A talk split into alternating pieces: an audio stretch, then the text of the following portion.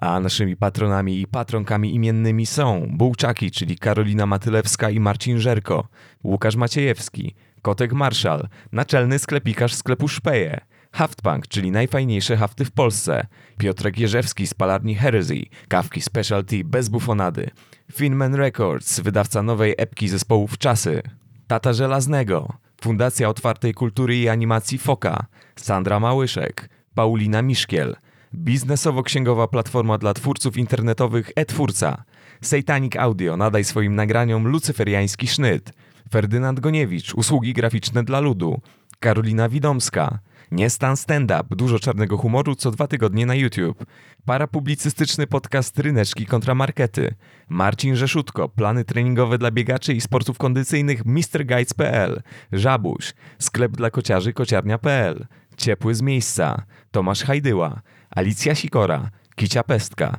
Malina Dunajska, Web96.pl, blog o dawnym internecie, Miś Misiowa i Misio Junior, Julia Druszcz, Evenement, Król Julian Copywritingu, Sylwia Trzepizur, Marcelina Zawisza, Yellow Tapir Films, Studio Animacji 2D, Marcel Marszałek, Jaćka z Kolumbii, Mieszko Minkiewicz, Grzegorz Hatala, czyli instagramowy pan od podatków, Poka i Morświn, Emiot Protur, wyjazdy kolarskie, Twinges, drugie życie książki w ciele plakatu, Karolina Wielbacka-Lamus, Zofia Zin, Kasper Kopeć, Paweł Maciejewski, Krzysztof Słysz, autor fanpage'a Stalowy Księgowy, Błażej Szkudłapski, czyli DJ z wąsem, który zakręci każdym parkietem, Państwo Kudelscy oraz Grzegorz Kyc, lepszy niż nic. Bardzo, bardzo, bardzo Wam dziękujemy. Podcast Tex. Podcast o latach 90. i zerowych. Uwaga, Warszawa już niebawem w czwartek 23 listopada o godzinie 19 pojawimy się w klubie komediowym, gdzie będziemy gadać i czytać fragmenty naszej książki Polskie Milenium, która jest już dostępna, a zdolna ekipa będzie robić z tego improwizowane sceny, także zachęcamy Was do kupna biletu, zapraszamy, bawmy się dobrze. Bartek, e, ładnie pachniesz. E, co to za zapach?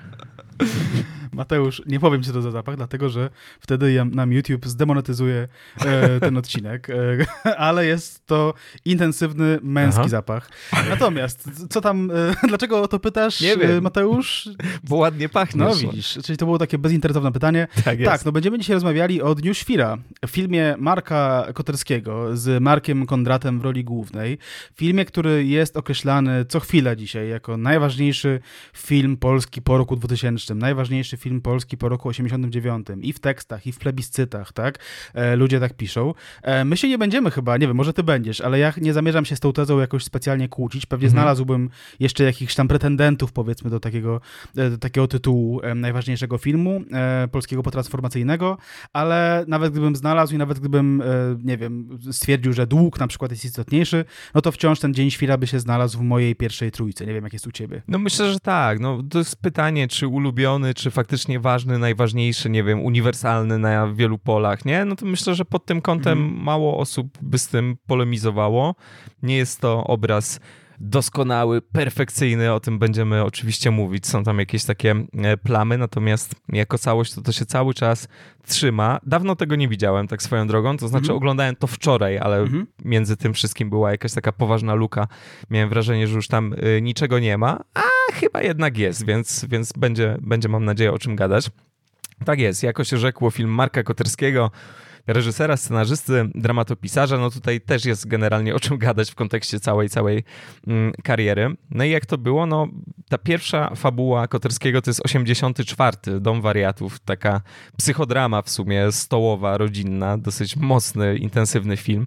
No potem jeszcze mm, parę tych filmów było do 2002, e, do premiery Dnia Świra, no i jaki mamy tutaj wspólny wątek? No mamy tę postać Miałczyńskiego, który czasami jest Adamem, Adasiem, czasami jest Michałem, ale mniejsza o to, no bo to generalnie jest wędrująca postać, która się przepoczwarza, ale gdzieś łączy w sobie rozmaite wątki, jakieś takie neurozy, E, to jest kino jednak mocno autorskie i autobiograficzne, nawet jeżeli są pewne odstępstwa, nie? Jeżeli chodzi o, o faktografię, no to tutaj zawsze ten bohater jest jakimś takim zlepkiem, jakiś taki, nie wiem, neuros, natręctw, jakiejś frustracji Koterskiego związanej, nie wiem, z życiem rodzinnym, miłosnym, więc o tym też będziemy naturalnie gadać. No i jak to było z tym Adasiem? No, mamy tutaj e, taki e, zapis spotkania z cyklu Teatry z Światem, to jest spotkanie z 29 października 2002 roku i ono się odbyło w Teatrze Polskim. Prowadził je Jacek Kopciński i tam Koterski opowiadał o tym Miałczyńskim następująco. Praprzyczyną powstania Adasia byłem ja sam, osobnik z imienia i nazwiska, który dostał w pierwszym utworze.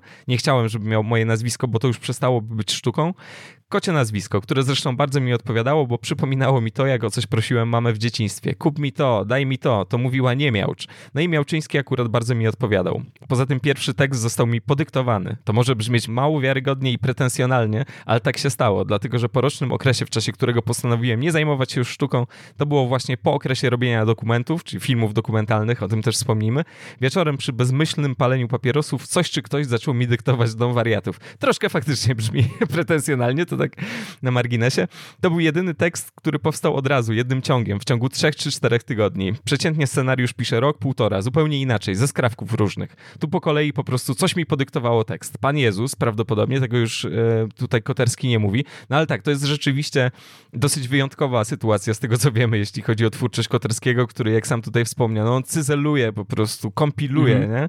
Jest jakaś taka walka, żeby ten tekst był taki dopieszczony, precyzyjny i, i wspaniały, no i, no i zwykle tak jest faktycznie. Można się tutaj czepiać pewnych rzeczy, nie wiem, jakichś takich rozwiązań, nie wiem, operatorskich, czasami technicznych i tak dalej, ale żeby się przypieprzać do Koterskiego, że ma niechlujnie napisany scenariusz, no to nie, nie, to, to nie jest ten, y, ten adres. Tak, ta wzmianka Koterskiego o tym, że, że, że coś na niego spłynęło nagle i on mm. napisał całość na raz, no takie historie oczywiście, ona, ona brzmi e, jakoś tam pretensjonalnie, no bo mógłby po prostu to ująć w ten sposób, że akurat miał jakiś e, super umysł danego dnia, tak, i tak. bardzo mu się tam wszystko rozjaśniło i był w stanie coś napisać szybko, ale tego rodzaju historie są dość częste w ogóle w różnych działkach, powiedzmy, kultury, tak? No też znamy jakieś tam historie typu, że akurat był dobry przelot, więc się chłopaki tam z jakiegoś zespołu zamknęli na trzy dni w garażu i mieli właściwie skomponowaną całą płytę, tak? Że książka powstała w miesiąc, nie?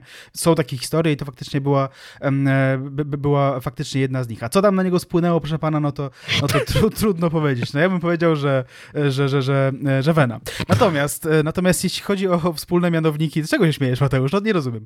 Jeśli chodzi o wspólne mianowniki pomiędzy różnymi e, filmami, no tak jak wspomniałeś, on czasami ten bohater, ten Miałczyński e, nosił różne imiona, e, miewał różne, różne za, tam zawody wykonywane, tak? Był nauczycielem, był reżyserem filmowym, tak? I tak dalej. E, no, jest, to, jest to postać, która różniła się z filmu na film. To nie było tak, że jak oglądałeś kolejne filmy o Miałczyńskim, jeden po drugim, to, to, to uzyskiwałeś jakąś konsekwentnie prowadzoną e, historię. Absolutnie nie. Natomiast miał też mnóstwo wspólnych mianowników. E, to zawsze to był praktycznie inteligent, tak? E, to, to, to zawsze był wrażliwiec, był zawsze znerwicowany, miał milion natręctw, tak? Między innymi e, językowych. No i mimo, że były różne tam pomiędzy nimi różnice, to jednak zawsze tym, te wspólne mianowniki mówiły co? Mówiły to, że Koterski pisał o samym sobie, o czym zresztą on, on, on zupełnie, zupełnie wprost przyznawał, jak już, jak już tam czytałeś w tym, w tym cytacie, tak? No i ponieważ jest tak, że mm, Dzień Świra e, bardzo mocno rymuje się jako scenariusz z życiem prawdziwego e, Koterskiego, no to spróbujmy przelecieć sobie przez, przez historię Koterskiego, e, przez historię jego życia, zwracając uwagę na te wszystkie takie e, drobne podobieństwa, na, na, te wszystkie momenty, w których e, jego origin story, powiedzmy, superbohatersko skleja się e, z, z, z Dniem Świra. No to tak, no to e, jeśli chodzi o, powiedzmy, taką działkę frustracji, tak, frustracji inteligencji, no to tak, no Adaś Miałczyński, Dnia Świra, to jest sfrustrowany inteligent po polonistyce. E, no i Marek Koterski również e, ukończył polonistykę, ponadto ukończył też reżyserię, to wiemy na pewno. Wiemy też na pewno, że spędził kilka semestrów na Wydziale Malarskim na ES no i jego syn też twierdzi, że ukończył historię sztuki. Co do tego nie jesteśmy pewni, bo różne źródła mówią różne rzeczy. Być może tylko kilka lat tę historię sztuki studiował. Natomiast z całą pewnością wiemy to, że nawet jeśli nie ukończył tej historii sztuki, no to jest wszechstronnie wykształconym humanistą. Jest prawdopodobnie erudytą, o tym mówi też jego otoczenie, że to jest taki gość, który wchodzi po prostu i jest w stanie wypowiedzieć się o każdej rzeczy w dowolnie, tak, w dowolny sposób. E, no i, i, i jako ten wszechstronnie wykształcony humanista. Mateusz, okazuje się, że to nie było wcale tak, że on po prostu, wiesz, tam szastał pieniędzmi na prawo i lewo w latach 80., nie? Wow. Nie było tak, nie było tak, Mateusz, może zaskoczę. E, Marek Koterski nie miał strasznie dużo hajsu, e, jak sam tutaj twierdził jego syn, czyli Michał, popularny misiek. I teraz ja może przeproszę tutaj słuchaczy i przeproszę samego pana Michała, jeśli będzie tego słuchał, ale ja się tutaj postanowię spoufalić trochę w tym odcinku, nie wiem jak ty, dlatego, że jakbym mówił o nim Michał Koterski, to by mi się bardzo szybko pomyliło z Markiem Koterskim, a potem by mi się, to, to by wszystko by mi się jeszcze pomyliło dodatkowo z Markiem Kondratem, więc, więc wszyscy się nazywają na M, więc będę mówił Misiek. E, tak, e, Misiek Koterski wspominał swoje dzieciństwo. Żyliśmy bardzo skromnie. To były czasy, kiedy artyści i tak zwana inteligencja generalnie biedowali. Matka brała dodatkowe dyżury, ojciec pracował w wytwórni filmów oświatowych, robił dokumenty, był sfrustrowany, bo generalnie całe życie się uczył, a tu bida, znój i zero perspektyw. Matka była zajechana od roboty, a ojciec nieszczęśliwy. W sumie obydwoje byli nieszczęśliwi, a w domu panował mrok. To jest fragment wywiadu rzeki z Miśkiem Koterskim pod tytułem To już moje ostatnie życie, autorstwa Beaty Nowickiej. E, Misiek Koterski tutaj ważne, to jest rocznik 79, więc tutaj wspomina wspomina de facto e, lata, e, lata 80.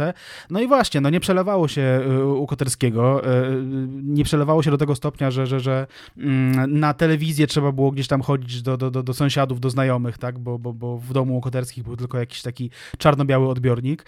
Misiek oglądał u koleżanki z dzianej rodziny, bo ojciec był tary, taryfiarzem, podobno można było fajne pieniądze wtedy w tym zawodzie zarobić. Chodził na pirackie bajki zakupione, jak sam wspominał, pod stadionem ŁKS-u. No i, i to, ta, frustracja wynikająca z braku środków do życia, czy też może nie, z niewystarczających powiedzmy środków, no też jakoś tam odbija się w Dniu Świra. E, głównie w tej scenie takiego rytualnego wypłacania pensji w wysokości 777 e, zł, nie? Która, która jest w tym filmie.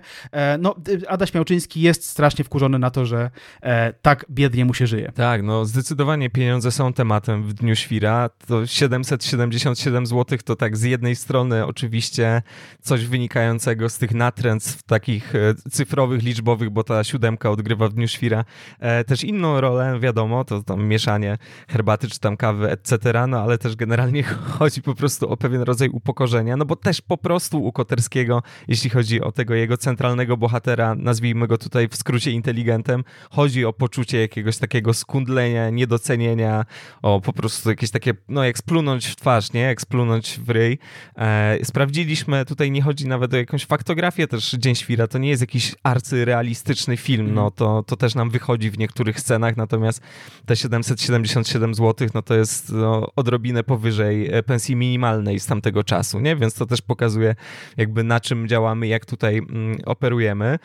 Wspomnieliśmy o tym domu wariatów o 84 roku i no jak sobie rzucimy okiem na tutaj daty, na metrykę Koterskiego, no to wyjdzie nam, że ten Koterski debiutujący fabułą miał 42 lata. No i to jest dosyć istotne, no bo tak, debiut fabularny, no wiadomo, że chwilę trzeba czekać na debiut fabularny, generalnie tak było w historii kina, nie, że tam 22-latek to niekoniecznie, natomiast no późno, 42 lata, co tam się działo pomiędzy, pomijamy już jakieś takie wątki studenckie, etiudy, no, troszkę musiał podziałać Koterski tutaj na, na niwie dokumentu. Troszkę tych dokumentów do 84 roku natrzaskał i, i też się jakoś przy tym zatrzymamy. Jeszcze tutaj cytat znowu z tego spotkania w Teatrze Polskim. E, Koterski mówi tutaj o latach 70., dokładnie o połowie lat 70. To był ciężki okres. Byłem wtedy po czterech asystenturach, tak zwanych dwóch asystenturach i dwóch drugich reżysurach przy filmie. W moim odczuciu przynajmniej jedną asystenturę dobrze przy filmie fabularnym odbić, ale nienawidziłem szczerze szczerze tego zajęcia i myślę, że byłem bardzo kiepskim asystentem i drugim reżyserem. Kurczowo chwytałem się Maksymy Wojciecha Jerzego Hasa, który mówił, że nigdy dobry drugi reżyser nie będzie dobrym pierwszym i odwrotnie, ale nie zmieniało to faktu, że byłem okropnym drugim reżyserem, że właściwie mnie powywalano z tych prac, miałem bardzo ciężki okres nieróbstwa. No to jest coś, co się w nic śmiesznego odbija bardzo mocno. No tak, oczywiście ten most wysadzony w nieodpowiednim momencie, tak, te wszystkie wątki. No jakby nie będziemy wam streszczać e, tego filmu, jeszcze do niego pewnie wrócimy za, za jakiś czas, bo, bo warto.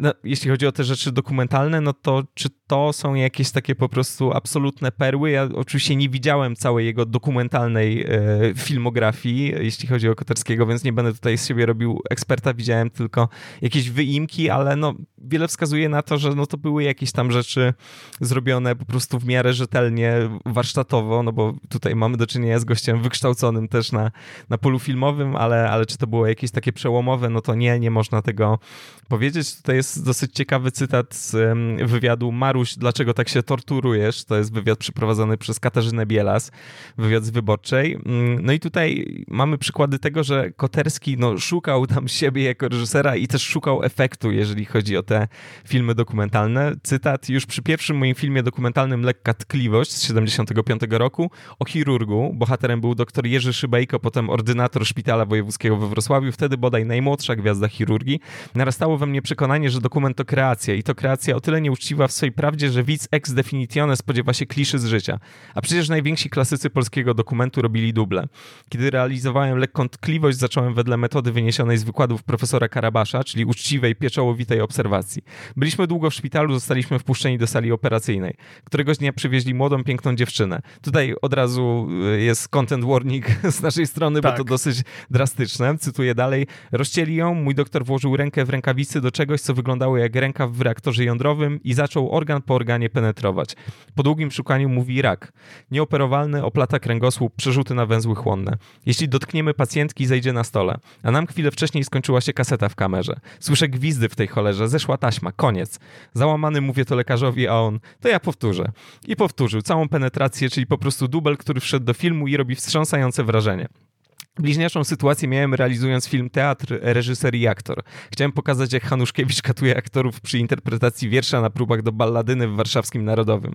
Zasadziliśmy się z operatorem, że będziemy kręcić, jak dojdzie do Szapołowskiej.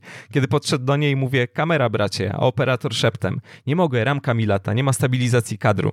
No i koniec, Hanuszkiewicz męczy Szapołowską przez 10 minut czterema wersami. Jeszcze wyjątkowo się przykłada, bo wie, że kręcimy, a nam ramka lata. Co było robić? Urżnąłem się potem po prostu jak Bela. Co prawdopodobnie nie pierwszy i nie ostatni raz, bo to też jest temat mhm. oczywiście mocno tutaj autobiograficzny. E, no i tutaj mamy mm, odpowiedź prowadzącej Katarzyny Bielas. W filmie jest Szapołowska. Tak, bo czekałem trzy dni, podczas których umierałem ze strachu. W końcu poszedłem do Hanuszkiewicza i powiedziałem, co się stało. A on spokojnie jak mój doktor. To ja to powtórzę. No i znowu dał Szapołowskiej popalić. To oczywiście nas też y, kieruje w stronę jakichś takich wątków, które się pojawiają ostatnio w debacie. Ile można zrobić mm. dla sztuki, na ile można naruszyć tutaj czyjąś przestrzeń przestrzeń nie? i na ile można wykorzystać tutaj takie narzędzie aktorskie, żeby osiągnąć efekt. No ale tak to było i tak to poszło. Tak, tak, tak. To jest wielka historia mobbingu i generalnie przemocy Te. w polskim teatrze, w filmie i tak dalej.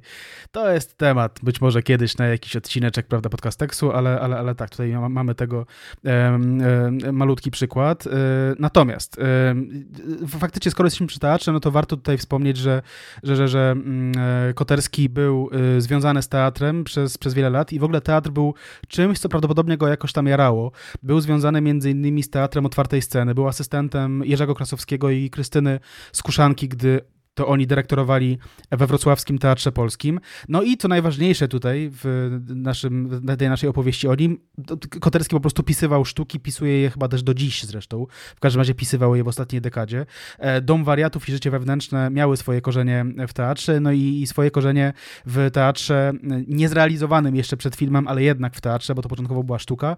Miał Dzień Świra, no mhm. ale nie uprzedzajmy proszę pana faktów, dlatego że polećmy dalej z tymi powiedzmy podobieństwami pomiędzy sytuacją Adasia Miałczyńskiego z Dnia Świra i, i, i sytuacją e, prywatną tym razem Koterskiego. Jeśli chodzi o rodzinę, no to filmowy Miałczyński mieszka sam. Ma 49 lat w filmie, ma plus minus 20-letniego syna i, i, i byłą żonę w tej roli Joanna Sienkiewicz, której absolutnie nienawidzi, zresztą z wzajemnością i tam jest taka scena, e, w której oni się tam rzucają siebie bluzgami wzajemnie. E, nie będę cytował może, proszę Państwa, bo każdy chyba też zna ten film, e, no ale jest też dość znamienna scena, w której, w której kiedy bohater fantazjuje o swojej śmierci, no właśnie, będziemy spoilerować, ale chyba to, to Państwo wiecie, tak? Że kiedy pod sam koniec bohater o swojej śmierci fantazjuje, no to ona jest taka jest w sumie okej okay z tym, że on umiera, tak? Mhm. Więc, więc powiedzmy, to, to są te relacje, powiedzmy, z byłą małżonką nakreślone w filmie Dzień Świra.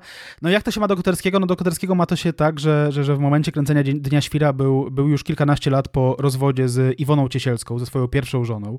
E, oni się rozstali w połowie lat 80. E, i potem jeszcze mieszkali jakiś czas ze sobą. E, dopiero udało się Koterskiemu wyprowadzić z domu rodzinnego, więc od byłej już żony i od syna Michała e, w latach 90. Tak? I, i, I też Dzień Świra, co do tego nie jesteśmy akurat pewni, dlatego że różne źródła różnie podają, e, ale prawdopodobnie Dzień Świra był nakręcony dwa lata przed e, poznaniem drugiej i dzisiejszej e, małżonki, partnerki Marka Koterskiego, czyli Małgorzaty Bogdańskiej, aktorki, więc prawdopodobnie Koterski rzeczywiście poznał smak takiego, przynajmniej kilkuletni smak życia takiego samotnego rozwodnika, który, który mieszka sam, sam w domu i, i to jakoś tam ta samotność bije z, z, z Dnia Świra bardzo mocno nie? Znaczy on jest e, absolutnie też sfrustrowany tą swoją samotnością i, i, pielęgnuje w sobie tęsknoty do, do, do jednej nieudanej relacji i tak dalej. To jest, to jest coś, co, co absolutnie wychodzi tam wręcz czasami na pierwszy plan, nie? Tak, to jest bardzo, bardzo wyraźne. Nawet jak się, no trzeba tutaj raz na jakiś czas jednak zrobić wycieczkę w stronę nic śmiesznego. Może nie, nie wygadać wszystko, co byśmy w przyszłości powiedzieli, no ale jak się to zestawi, no to w nic śmiesznego mamy tę toksyczną sytuację. Mieszkam już ze swoją właściwie byłą żoną, oni się tam rozstają, nie rozstają, nie? Bo to nie jest oczywiście ukazane jakoś tam w pełni, ale on no, jakby utrzymuje jakieś relacje intymne, erotyczne z kobietami. To, że szuka na oślep, że, że szuka tej miłości, to jest co innego. A tutaj mamy faktycznie w Dniu Świra dojmującą samotność, tak? Taką rutynę, nie wiem, starego kawalera albo, albo wdowca, wiesz, no jakaś taka sytuacja faktycznie. Nie ma, nie ma go na rynku, tak? Nie ma Adama Miałczyńskiego. Poddał się już. Nie? Tak, nie ma Adama Miałczyńskiego z Dnia Świra na rynku, tak, już macha na to ręką, zresztą wiadomo, te wątki e, mizoginistyczne też gdzieś tam są tematem, jeśli chodzi o, mm. o Dzień Świra. No to właśnie, jeśli jesteśmy przy y, rodzinie, przy rodzinności, no to mamy tę postać y, Miśka Koterskiego. Ja też będę robił z niego Miśka, ale myślę, że on się nie gniewa, on się jednak tym posługuje, mm. jak taką ksywą, tak to nazwijmy. Rocznik 7-9, jak już wspomniałeś. No, w wieku 23 lat zagrał e, Sylwka Miałczyńskiego, czyli syna głównego bohatera. No, pojawił się jeszcze wcześniej w I Love You. Z 99 pojawi się we Wszyscy Jesteśmy Chrystusami. No i w Siedmiu Uczuciach, czyli w filmie, na którym byliśmy z Barskiem razem. Byliśmy raz w życiu mhm. na filmie i bardzo się nam podoba. A nie, dwa razy jeszcze, dwa bo razy. futro z misia, więc zawsze jak, jak pójdziemy, to jest naprawdę nieźle. Tam już zagra tego właśnie Adasia, tę główną postać z tego uniwersum koterskiego. No i jak to było było, jeśli chodzi o rodzinne życie koterskich, no tutaj za wywiadem rzeką z Miśkiem, no w domu panował mrok, e, to już padło i mówi jeszcze Misiek, moi rodzice ani się nie kochali, ani się nie przyjaźnili. Odkąd pamiętam, żyli jak pies z kotem, każdy w swoim pokoju. Na szczęście mieliśmy dosyć duże jak na tamte czasy mieszkania. 60 metrów, trzy pokoje z kuchnią na 15 piętrze jednego z bloków na słynnym Manhattanie w centrum Łodzi. Ojciec dostał je od ministra kultury za najlepszy dyplom na reżyserii w filmówce. Każdy z nas żyło w swojej bańce. Mama ambicji, ja w fantazji i marzeń, a ojciec ojciec w bańce frustracji i niespełnienia. Rodzice rozwiedli się, kiedy miałem 6 lat, ale wciąż mieszkali razem. Nie miałem do mamy pretensji, bo gdzie miała ze mną iść? Pod most? Ale nie ma chyba nic gorszego niż rodzice, którzy żyją w nienawiści pod jednym dachem. Oni nie mogli na siebie patrzeć. Kłótnie wybuchało o najdrobniejsze rzeczy, na przykład niedokładnie zakręconą tubkę pasty do zębów. No to, to nie brzmi jak zdrowa sytuacja, mm. rozwiedzeni rodzice. Fajnie, że rodzice są w jednym miejscu, ale niekoniecznie chyba w takiej... W kościół takiej... się cieszy. Tak, Kościół się cieszy. Najważniejsze, że się tutaj zgadza. Ślub kościelny, jeśli był, to on dalej obowiązuje. To, że oni się tam rozwiedli, prawda, w sądzie, to nikogo to, nikogo to nie obchodzi. No ale dobra, no bo to takie no, śmieszki, nie śmieszki, no kłótnie między rodzicami to jest coś, co potrafi prawdopodobnie no, zryć kompletnie psychikę młodego człowieka. No ale był jeszcze wątek alkoholowy, bo Misiek Koterski opowiadał wprost o tym, że ojciec wracał pijany, czasem zaszczany, matka raz z bezsilności dziabnęła ojca nożem kuchennym w rękę. No i to życie było bardzo, bardzo piekielne. Koterski mówił, że kiedy ojciec wyprowadził się do Warszawy, to był jeden z najszczęśliwszych dni w moim życiu. Miałem wtedy 15 lat. No tak, to, to już lata 90. z prostych obliczeń nam tutaj e, wynika. No w Dniu Świra jest inaczej, tak? No ten Sylwuś mieszka e, sobie z mamą, no te relacje między e, Adamem Miałczyńskim a, a byłą żoną, no nie są fantastyczne, tak, ta scena, o której wspomniałeś, w której pojawia się coś, znaczy jest dużo zabawno smutnych rzeczy, mhm. ale gdy on się dowiaduje od niej, że ona bierze ślub i pyta, o ile dobrze pamiętam, czy z psem, a ona odpowiada bez wahania, że z gównem, czyli te takie riposty, które są w sumie niedopasowane, są bardzo prędkie. Oglądaliśmy to wczoraj z Olą i ba bardzo nas to rozbawiło, tym bardziej, że Sienkiewicz e, też czuje ten język, tak. mam wrażenie, i też dostarcza, i to też jest aktorka, z którą pracował nie pierwszy, nie pierwszy raz, więc, e, więc tak. A czy sam Koterski pochodził z jakiegoś idyllicznego domu, że tam po prostu kurwa złotopolscy i coś tam? No, też niekoniecznie. No, sam w rozmowie z, e, ze wspomnianym Jackiem Kopcińskim określił ten swój rodzinny dom mianem toksycznego. Była mowa o tym, że ojciec był osobą pijącą, uzależnioną od alkoholu. No ten temat właśnie w Dniu Świra on nie jest tak istotny. Tak? No to wódeczka się pojawia we wcześniejszych filmach mm, Koterskiego, ale też w trochę innym kontekście tak naprawdę i ona wróci jeszcze po Dniu Świra we Wszyscy jesteśmy Chrystusami, no tam się stanie centralnym absolutnie, absolutnie tematem. Tutaj nie jest to aż takie ważne. Natomiast czy ten Koterski, Marek Koterski, który dokonuje jakiejś autorefleksji jednak w tych swoich filmach, czy też tutaj y, jej dokonał w związku ze swoim ojcostwem, no można założyć, że tak, mm. tak? Te jakieś wątki dotyczące relacji z tym synem, one z jednej strony wskazują na jakąś czułość, tkliwość. Tak. Ten bohater kilka razy mówi o tym, że, że nie chce, że łamie mu serce myśl o tym, że jego syn będzie miał takie życie jak on, nie? Że ten Sylwuś. I rzeczywiście między nimi ta czułość jest, tak? Gdy się tam przytulają na ulicy po jakiejś takiej po prostu rozmowie na temat niczego zupełnie, ale też ta słynna scena już po prostu no zgrana na maksa, bo już Konrad zdążył odegrać ją kurwa na Woodstocku i pewnie na miliardzie innych spotkań, ta scena nauki angielskiego, no to ona jednak tutaj wskazuje na to, że jemu też puszczają nerwy w związku z tym dzieckiem, tak, że jest jednak taki bardzo protekcjonalny, jednak agresywny, taki no właśnie dominujący, nie, więc myślę, że tutaj jeśli chodzi o te filmy Koterskiego, no to jest nie tylko jakieś dłubanie we własnych neurozach, ale jakaś taka samokrytyka, tak to przynajmniej mi tutaj pobrzmiewa. Tak, tam zresztą on miał już czas, miał kilka lat, żeby, żeby przemyśleć sobie to, jakim jest ojcem i, i, i tam były jakieś takie historie, że w latach 90. E, syn się nim bardzo mocno zajął, e, jeśli chodzi o właśnie tę chorobę alkoholową, która już była mm. bardzo hardkorowa podobno, jeśli chodzi o, e, o Marka Koterskiego, to zresztą potem przeniosło się jakoś tam na Michała, który, który miał problemy z narkotykami i, i tutaj mamy na myśli tam te, te cięższe narkotyki niż, niż lżejsze, twardsze niż miększe. E, natomiast tak, no to, to, ciężko tutaj jakoś się do tych rzeczy odnieść w kontekście Dnia Świra, akurat dlatego, że w Dniu Świra kwestia używek, no tej kwestii używek prawie nie ma, tak? Znaczy można odnieść wrażenie, że postać, postać Sylwusia jest, e, jest wiecznie zjarana, tak? Jest mhm. takim gościem, który jest troszkę, troszkę obok życia, ale to nie jest wypowiedziane wprost. Będzie wypowiedziane wprost, tak jak wspomniałeś, już w kolejnym, w kolejnym filmie. Natomiast faktycznie różne rzeczy działy się, jeśli chodzi o, o, o relacje Marka Koterskiego i Michała Koterskiego. E, no, był taki, taki krótki moment w latach 80., kiedy, kiedy Marek e, postanowił nakręcić film dokumentalny i w centrum tego filmu ustawił, ustawił właśnie Miśka. Ten film nazywa się Pieśń wojenna i jest dostępny na YouTubie. E, no to jest po prostu 10-minutowy film e, o tym, jak to kilkuletni chłopiec bawi się żołnierzekami i śpiewa jakąś taką dziecięco improwizowaną piosenkę o tym, że tutaj Polacy najeżdżają, tu murzyni i tak dalej. Dosłownie tak cytuję, także tam jadą, ktoś tam. No tak, jest to, jest to 10-minutowa obserwacja dziecięcej zabawy. Czy to jest dobry film? Moim zdaniem nie. Znaczy, to jest ciekawy koncept, tak, mhm. jeśli chodzi o, no bo zakładam, że chodziło o to, żeby pokazać jak, e, gdzie jest umysł dziecka, które trochę nakarmiło się już e, popkulturą, tak, w latach 80., e, trochę się nakarmiła już takimi patriotycznymi motywami, które pewnie być może gdzieś tam w przedszkolu do niej dotarły i co się z tego, e, co z tego wynika, no właśnie zabawa w wojnę, tak rozumiana, że, że ta piosenka jest taka, taka wzniosła i tak dalej. Być może o to chodziło, ale to jest moim zdaniem trochę za długie, nie wiem, czy tam widziałeś to. To jest, to jest w ogóle, tak, tak, tak, ja znam ten, znam ten film i trudno mówić niby o filmie 10-minutowym, że jest za długi, ale to jest w sumie fajny koncept na jakiegoś takiego totalnego shorta, tak. 5 minut. Jakby dobra, wiemy, wiemy już o co chodzi, wiemy mhm. na czym to się zasadza. No. Tak, natomiast y, istotne jest to, w jaki sposób to się odbiło na samym Michale i Michał mówi o tym w wywiadzie Rzece. Opowiada o, o momencie kręcenia tego filmu. E, robiąc wstęp w postaci po prostu opisu swoich zabaw. Zamykałem się w moim pokoju i bawiłem żołnierzykami, których miałem całe pudła. Prowadziłem swoje wojny, czułem się jak w filmie. Wolałem świat fantazji od rzeczywistości. Nie lubiłem, jak ktoś mnie podglądał. Zaaferowane zabawą nie zauważałem, że ojciec to robił. Do czasu, aż pewnego dnia postanowił nakręcić o tym dokument, który zatytułował Pieśń Wojenna. Bawię się w nim żołnierzykami jako czteroletni chłopiec, nie wyglądam na zachwyconego. Gdy byłem sam, było super, kiedy przyszła ekipa filmowa i rozstawiła sprzęt, strasznie mnie to krępowało. To już nie był mój świat, zaingerował w niego inny człowiek, dla mnie koszmar. Może dlatego, kiedy później ojciec proponował mi rulki w swoich filmach, odmawiałem. No i właśnie z tego wychodzi jakiś taki obraz takiego, takiego pana reżysera, który, który, który no, no, wchodzi ze swoją sztuką wszędzie, tak, i nie daje odetchnąć nawet rodzinie.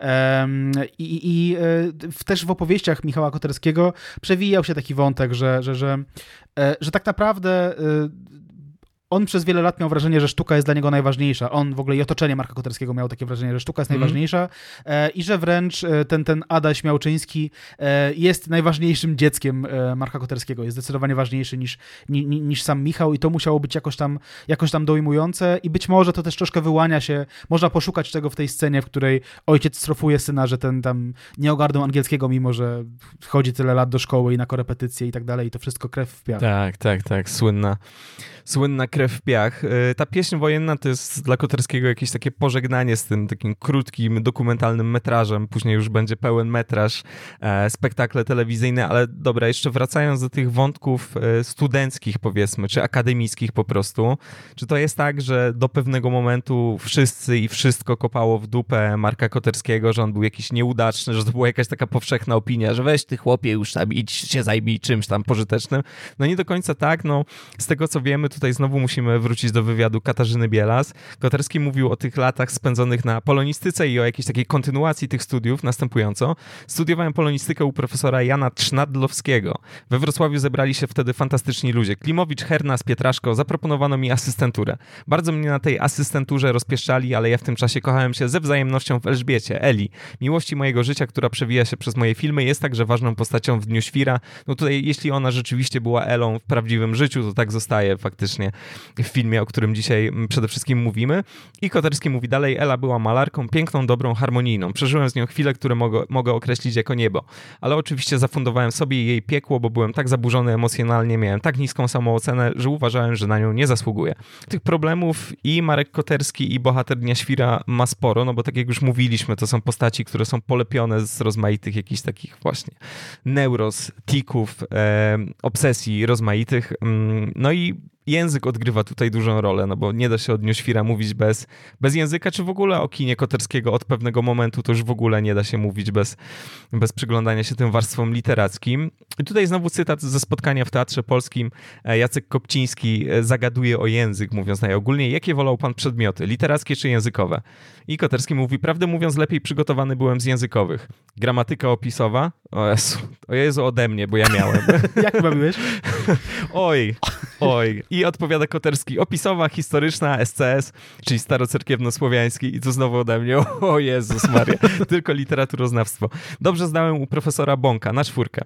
Pamięta pan, jakie mamy okoliczniki? Miejsca, czasu i sposobu. Nie wiem, czy to się jeszcze zmieniło. Miejsca, czasu i jest jeszcze kilka, tak? Przyczyny i celu. Przyczyny i celu. Nie jestem pewien, czy ja nie uczyłem się tego jeszcze podobnie jak postaci, a nie postacie, tą, a nie tę. Właśnie możliwe, że okolicznik sposobu obejmował wtedy wszystkie te pozostałe okoliczniki, których nie znam. To jest ogóle bardzo przydatna wiedza. Ja po prostu chodzę i po przystankach autobusowych i bryluję tym na co dzień, ale no tak, no Tutaj nam coś to, to mówi. To nie jest oczywiście rzecz, która się narodziła w Dniu Świra, nie? Ta, ta żona y, Miałczyńskiego w nic śmiesznego też się poprawia, jak oglądają jakąś tam telewizję, ktoś maluje talerze i mówi tą, tę, ale generalnie to takie właśnie dorzucanie, to jakieś podrzucanie dwóch form w jednym zdaniu, żeby złapać tę właściwą, no to to jest coś bardzo tutaj, bardzo tutaj istotnego, nie? No ten język może jest momentami dosyć męczący, szczególnie jak te filmy się już widziało i tak sobie myślisz, ja przy przynajmniej miałem jakieś takie refleksje, mhm. jak, jak sobie to odświeżałem, że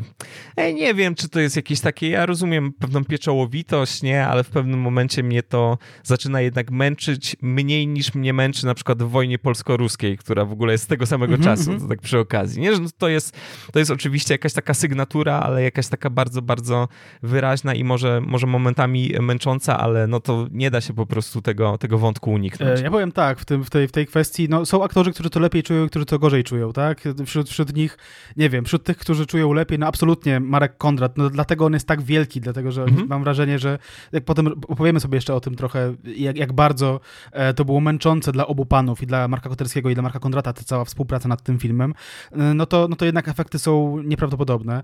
Janina Traczykówna, która się wcieli w matkę, do niej też dotrzemy, ale ona fantastycznie to czuje, natomiast mhm. są tacy aktorzy, aktorki, może już tu nie będę wymieniał, no bo po co, albo dobra, wymienię na przykład Andrzej Chyra, moim zdaniem, w Chrystusach, w tym kolejnym filmie, umiarkowanie dobrze się z tym czuje, nie? E, I, i, i niespecjalnie lubię, lubię tego jego Adasia, tak? Natomiast e, tak, no ten, e, ja akurat lubię ten, lubię ten język i, i, i, mm, e, i to, że to w zasadzie jest, no ten język czyni w dużej mierze tę autorskość, tak? Znaczy tworzy tę autorskość i, i, wydaje mi się, że to jest jeden z niewielu polskich scenarystów w ogóle, których język jest tak istotny, nie? Znaczy nie znajdziesz takiego drugiego przypadku, nie? W, po, w, polskiej, w polskiej kinematografii. No i Koterski opowiadał o tym języku wielokrotnie. W tej samej rozmowie, którą ty cytowałeś z Jackiem Kopcińskim, przyznał, że tutaj cytat język jest dodatkowym bohaterem moich tekstów i w każdym z nich spełnia trochę, e, trochę inne zadanie. I w kontekście swoich tych takich pierwszych dokumentalnych e, początków opowiedział o, e, o, o tym, jak realizował w jedynym wówczas ośrodku kotańskiego, ośrodku dla osób z uzależnieniami związanymi z substancjami psychoaktywnymi. E, to był ośrodek pod Garwolinem, realizował ten dwa filmy. Pierwszy film to była 40-kilkuminutowa przyszłość, drugi to kilkunastominutowe przyczyny narkomanii. Oba są gdzieś tam dostępne, jakby ktoś był ciekaw i, i, i jak, to, jak to wygląda. No i opowiadał w ten sposób Koterski o tamtej pracy. Codziennie nagrywałem wywiad z kolejnym z pacjentów. Oni mi się zwierzali chętnie, myślę, że bardzo szczerze. Mówili, że mam wyjątkową empatię, i że niektóre rzeczy dopiero mnie powiedzieli, nawet nie Kotanowi. W każdym razie przywiozłem z tego tak i stos taśm i spisywałem je i wtedy zaczęły mi się pewne rzeczy nasuwać. Co jest bodaj najważniejsze od, w tych wszystkich e, moich tekstach, że mowa mówiona jest zupełnie inna od mowy pisanej. Dla mnie to było odkrycie. Nie mówię o żadnym języku ulicy, języku środowiskowym. W moim odczuciu jednego i drugiego nie ma, w tradycyjnym pojęciu tego słowa. Natomiast decydującą dla mnie była różnica pomiędzy mową pisaną i mówioną. To znaczy, jeżeli byśmy w tej chwili podali sobie temat z państwem, powiedzmy, rozmawiamy o miłości i nagrywamy to wszystko, po czym zostawiamy sobie adresy i piszemy do siebie na ten temat, to okaże się, że to już będzie inna rozmowa, nawet jeśli będziemy starali się odtworzyć swoje wypowiedzi i tak dalej, i tak dalej. On tam opowiada rzeczywiście, że jest językowym e, perfekcjonistą e, i, i, że, i, i, tak samo Adaś Miałczyński jest tym e, językowym perfekcjonistą i, i że to jest jego cecha osobnicza, a zarazem natręctwo. Um, tutaj znowu cytuję za, za, za, za Koterskim. Jedno z wielu natręctw Miałczyńskiego, których on nie potrafi się pozbyć, to jest właśnie to, Miałczyński, kiedy nie jest pewien, czy jedna forma jest lepsza, czy druga, używa obu, tak żeby odbiorca wybrał sobie e, optymalną. No i właśnie, i, i, i, jeśli chodzi o kolejne natręctwo, no to, no to możemy tutaj jeszcze powiedzieć o tej liczbie, cyfrze 7, która, o której wspomniałeś, tak? E, I ta pensja tam się przewija, ale nie tylko. No, no Miałczyński wszystko mm, robi do tej siódemki, tak? Miesza e, kawę 7 razy, tak? Podciera się 7 razy i tak dalej, i tak mm. dalej. Te wszystkie sceny widzimy, e, widzimy w filmie i, i mam wrażenie, że Koterski pokazał je nam z E, z, z, po prostu z, z, wielką chęcią, tak? To, się to nie było tak, że jakoś walczył ze sobą bardzo mocno. Czy pokazać tego kontrata, który się podciera na kiblu? Nie, nie, on chciał to zrobić i to zrobił. Rzeczywiście tutaj jest bezkompromisowy, jeśli o to chodzi. I o tej siódemce mówił Koterski w ten sposób. E, to bardzo ważne, że przez film przewija się siódemka i jej wielokrotności, ale najczęściej jest to liczba siedem. E, I to jest w kontekście e, akurat filmu Dom Wariatów, ale ta siódemka się przewija w, w Dniu Świra. Tutaj takie moje wtrącenie. Cytuję dalej. Otóż tam, w Domu Wariatów, koło jest pompowane do siedmiu przy samochodzie, Adaś puka do siedmiu do drzwi, potrząsa dzwonkiem przy furtce również do siedmiu. Jego mama, kiedy mówi Adaś, to robi tak a, a, a, a, a, a Adaś siedem razy, za siódmym dopiero jest Adaś e, i ta siódemka tam atakuje przez cały film. Siedem razy dzwoni do, do, do, niego kolega, siedem to dla mnie cyfra znacząca. No więc tak, jest e, bardzo dużo tej głowy, powiedzmy, wchodzenia do głowy Koterskiego, jeśli się ogląda te filmy. E, jest tam mnóstwo jakichś takich manii, jest mnóstwo wiary w jakieś takie drobne przesądy, typu całowanie stópki Jezuska przed wyjściem, tam, żeby trzeba przysiąść na chwilę, zanim się wyjdzie, to akurat mają moi znajomi w moim wieku, więc, więc tutaj akurat mnie to jakoś mhm. bardzo nie dziwi, to nie jest jakaś tam pokoleniowa kwestia chyba, tylko narodowa bardziej. E, no i tam e, Adaś potrafi zrobić sobie piekło z każdej czynności, praktycznie dowolnej czynności, czy, czy będziesz mówił tutaj o, o wyborze miejsca do siedzenia w pociągu, czy, czy, czy w autobusie. E, wszystko tak naprawdę przeciąga się do granic możliwości i wszystko jest potwornie trudne dla niego, tak? Każda czynność. Tak, u mnie w domu też siadanie przed podróżą jest grane. To jest wspaniałe, jeżeli potem e, podróżujesz, nie wiem, samochodem jako pasażer szczególnie, albo w pociągu, no przysiądź, bo będziesz potem siedzieć kilka godzin, wiesz, nie ma to sensu, ale jest to, jest to zaklęcie i on faktycznie tutaj jest z tych przykładów sporo, tylko właśnie te natręstwa, tak mam wrażenie, one z jednej strony tak, sam sobie gotuje piekło w ten sposób, to z mhm. jednej strony, tak, to wszystko jest trudne, o wiele trudniejsze niż powinno, ale jednocześnie jak masz na przykład scenę śniadaniową, nie, że są płatki takie kukurydzianych garść, mhm. te, te, owoce, bla, bla, no to trochę go to trzyma w ryzach, nie, bo to trochę zakotwicza po prostu w rzeczywistości, on jest kompletnie sam w niej i ona jest w ogóle chaotyczna jako taka, on przynajmniej ma jakąś swoją rutynę, więc to jest jakieś takie w ogóle, mam wrażenie, dwuznaczne w tym wszystkim. Jeszcze wracając do tego języka na chwilę, wiesz, tu nie chodzi mi o samą substancję e, językową Koterskiego, bo to są bardzo często świetnie w ogóle napisane linie, mhm. no i Kondrat tutaj robi no, cuda z tym, nie? Jest faktycznie absolutnie wspaniały. Mi bardziej chodzi o te takie chwyciki typu mm, przerzucenie orzeczenia albo tą, mhm. tę właśnie to takie, bo ten język jest nadobecny, ale właśnie ja już nie potrzebuję tej dodatkowej, mhm. już trochę ogon dla Jasne. mnie, nie? To nie jest coś, co zabija jakąś przyjemność z oglądania tego filmu, ale gdyby, gdyby to było inaczej odrobinę napisane, to moim zdaniem byłoby to czytelne jako koncept. No ale to oczywiście jest kwestia gustu, no ale dobrze, jak do tego w ogóle, jak do tego doszło, że Marek Koterski nakręcił w 2002 Dzień Świra, musimy się cofnąć znowu do, do lat 80. Wspominaliśmy już o filmie Dom Wariatów e, kilkakrotnie, no i czy to było tak? Czy to było tak? Jeżeli tak się zaczyna pytanie, to znaczy, że tak nie było, to od razu spoiler.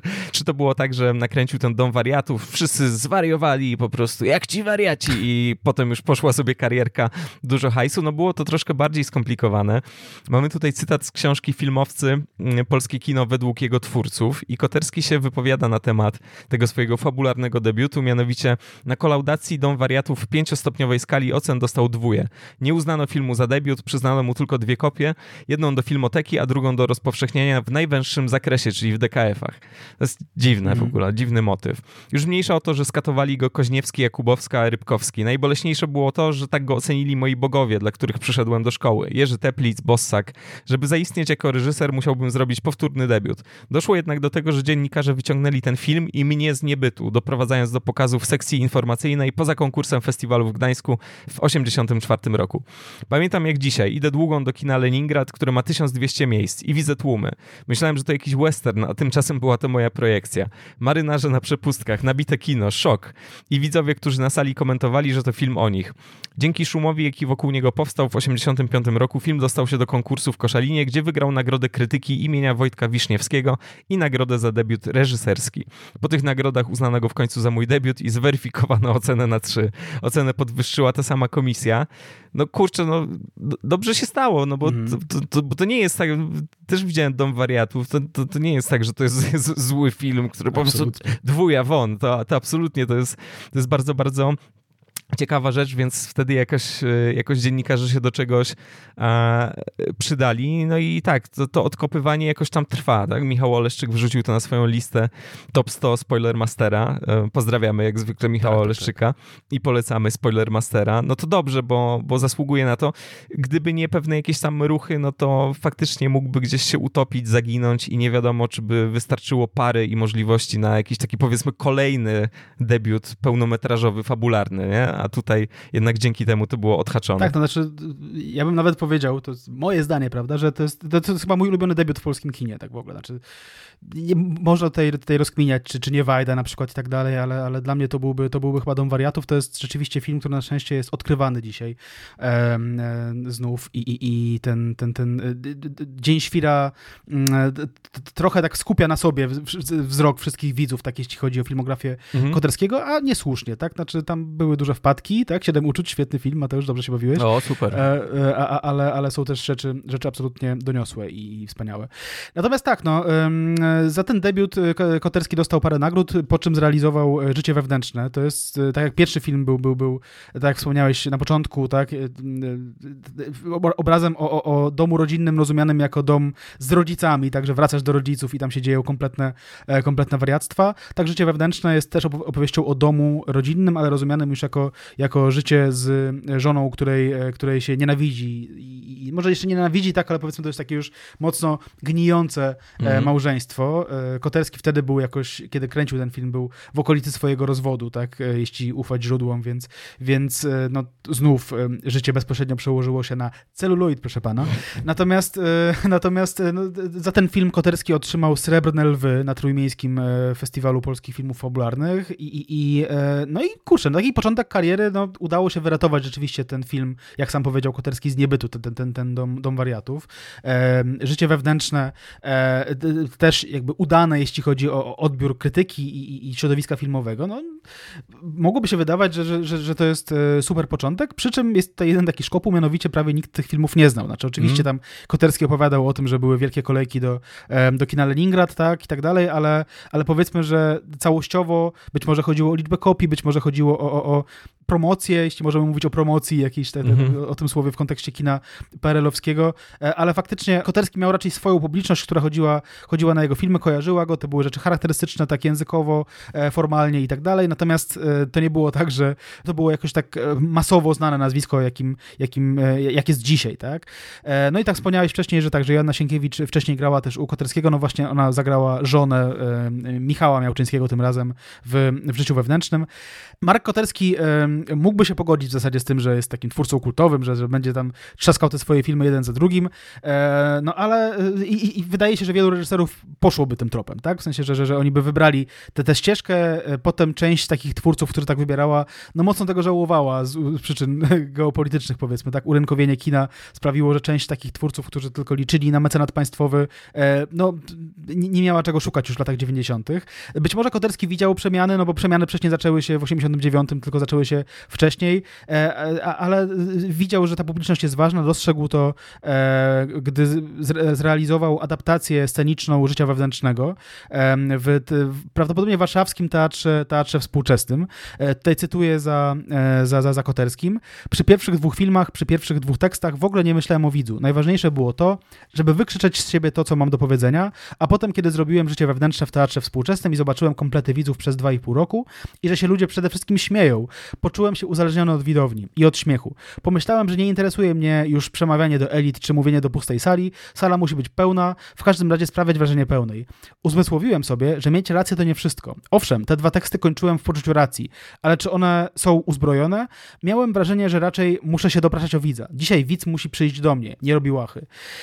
No i tak, no i, i, i, e, postanowił iść za tą myślą i podczas konferencji prasowej e, po pokazie, w Gdyni po pokazie życia wewnętrznego e, miał powiedzieć, że, że, że, że, że, że na pytanie, czy, czy życie wewnętrzne to jest e, jego sposób na kino, to odpowiedział, że e, na jeden film, a następny będzie przebojem kasowym. No i właśnie, taka buńczuczna zapowiedź, ale jak powiedział, tak zrobił. Tak właśnie było i zaczął kręcić filmy pornograficzne. Nie, ale jego trzeci długi metraż fabularny fabularny mm, to film pod tytułem Porno, który powstał w 89 roku, który miał na początku 90 roku e, premierę.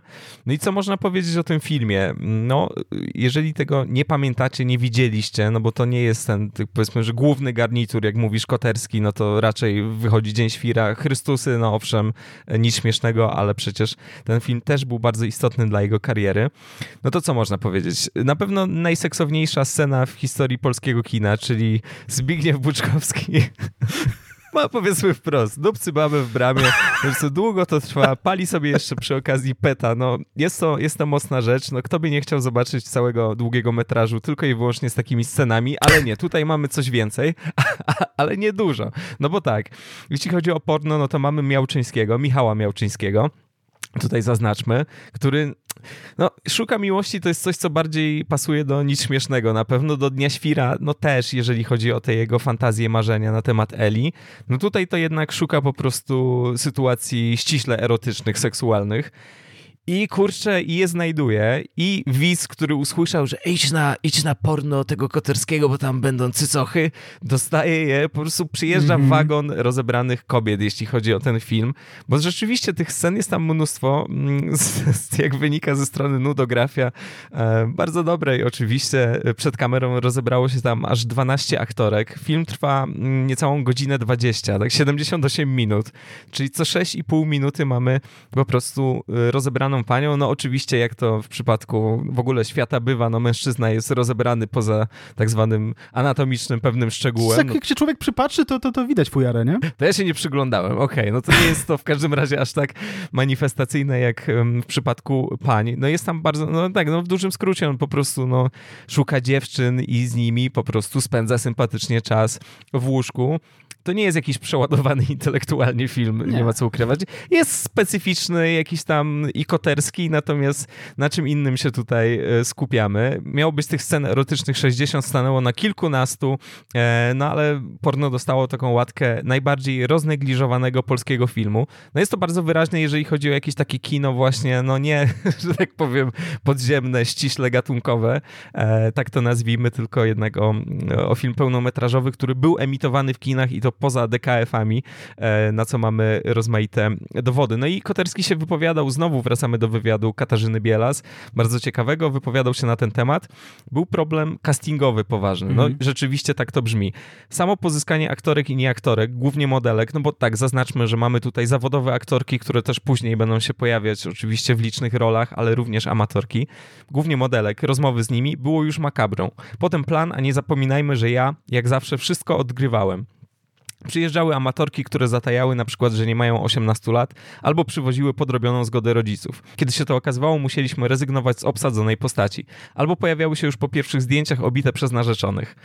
Ech, trzeba było zrobić podwójną obsadę, czyli znaleźć 34 osoby. Efekt tego wszystkiego był taki, że budziłem się o świcie i trząsłem do 7 rano.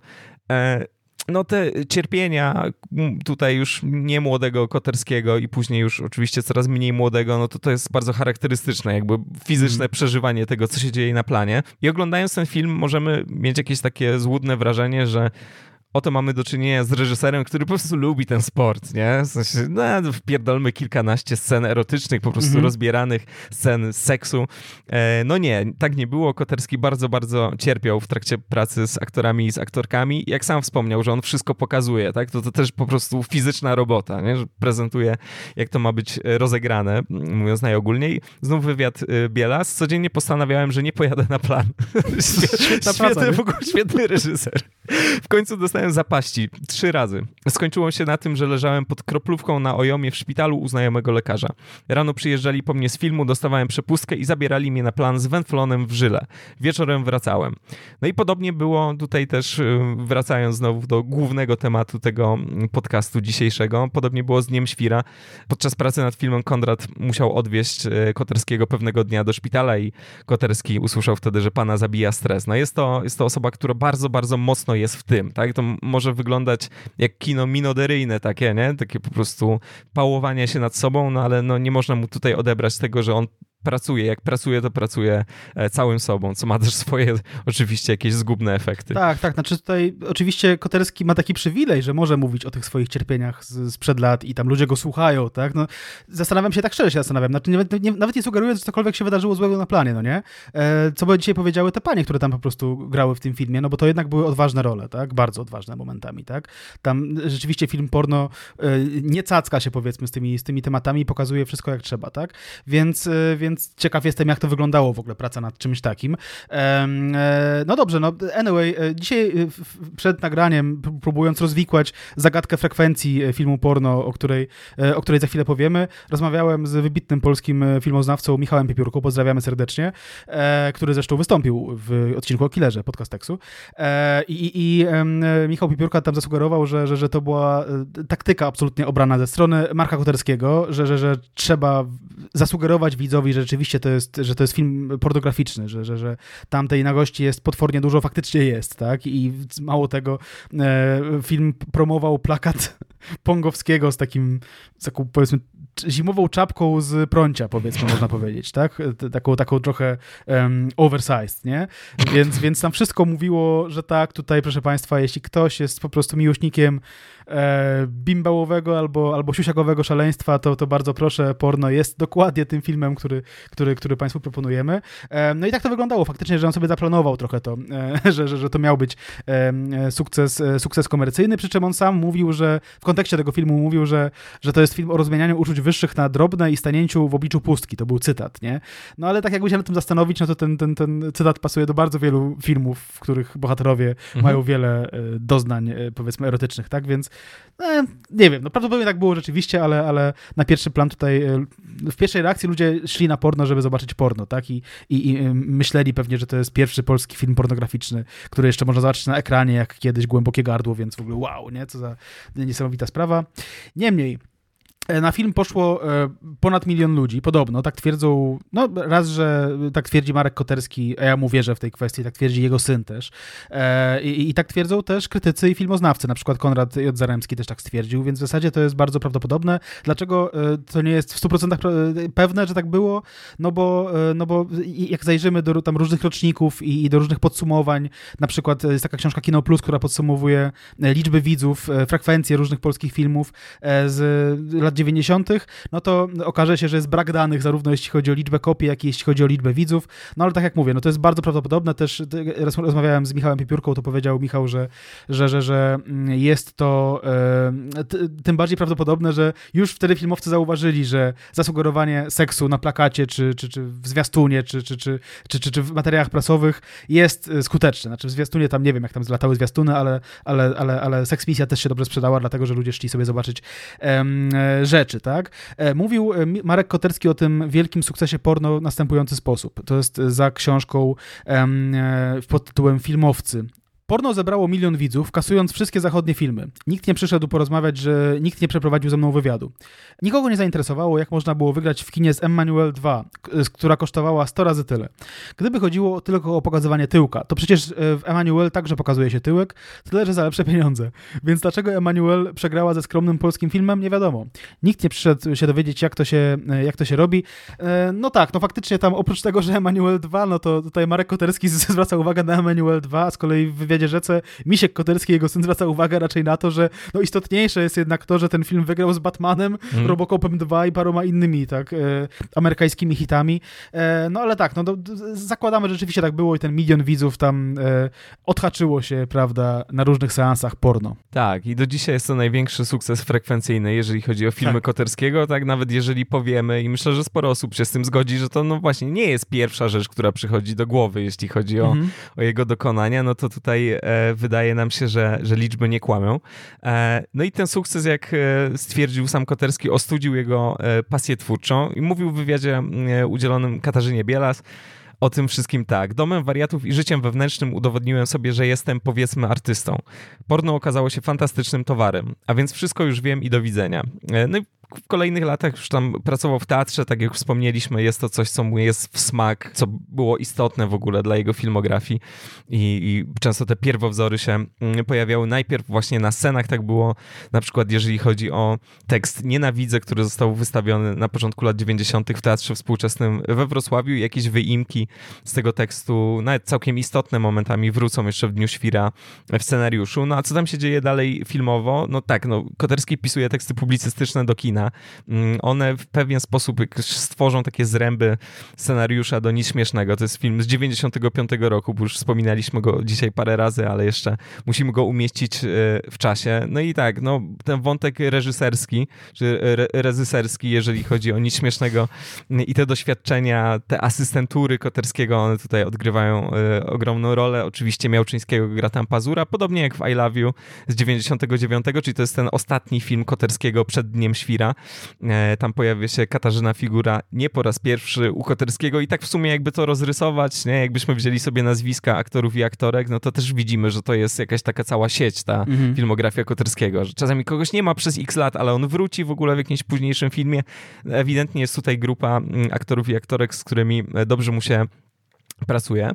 No ale to jeszcze zostawmy, no bo tak, tak jak mówiliśmy, nic śmiesznego to jest faktycznie temat, nie wiem czy I love you, ale, ale nic śmiesznego na pewno jest to temat na, na osobny odcinek, więc może, może kiedyś. No i musimy już ruszać powoli w stronę Dnia Świra, ale zanim 2002, zanim premiera tego filmu, no to trzeba jeszcze przybić do 90sów i do roku 99, który jakoś tam w kontekście tego, co działo się później, mm, okazał się istotny. Tak, a skoro Mateusz, jesteśmy przy roku 99, to tak się składa, że usłyszałem na mieście ostatnio, że jest taka książka Polskie Milenium, którą napisał Podcastex i e, która aktualnie, dzisiaj jak to rozmawiamy o tym, tak, jest na piątym miejscu na empikowej liście literatura faktu i reportaż, więc książka jest fajna, popularna, wysokie oceny, od znajomych przynajmniej i od słuchaczy, ale tak czy siak warto ją kupować. Tam też jest e, e, tekst o, o, o Dniu Świra. Książka dotyczy okresu właśnie 99-2005 i zachęcamy do kupna, prawda, i na gwiazdkę komuś, albo sobie nie na gwiazdkę. Tak, i dziękujemy przy okazji tym, którzy już kupili, prawda? No mm -hmm. bo mhm. tam jesteśmy na piątym, nie na piątym, jeszcze w empikowym top 100, takim ogólnym, więc to też jest fajna sprawa. Wszystkie książki świata tam są,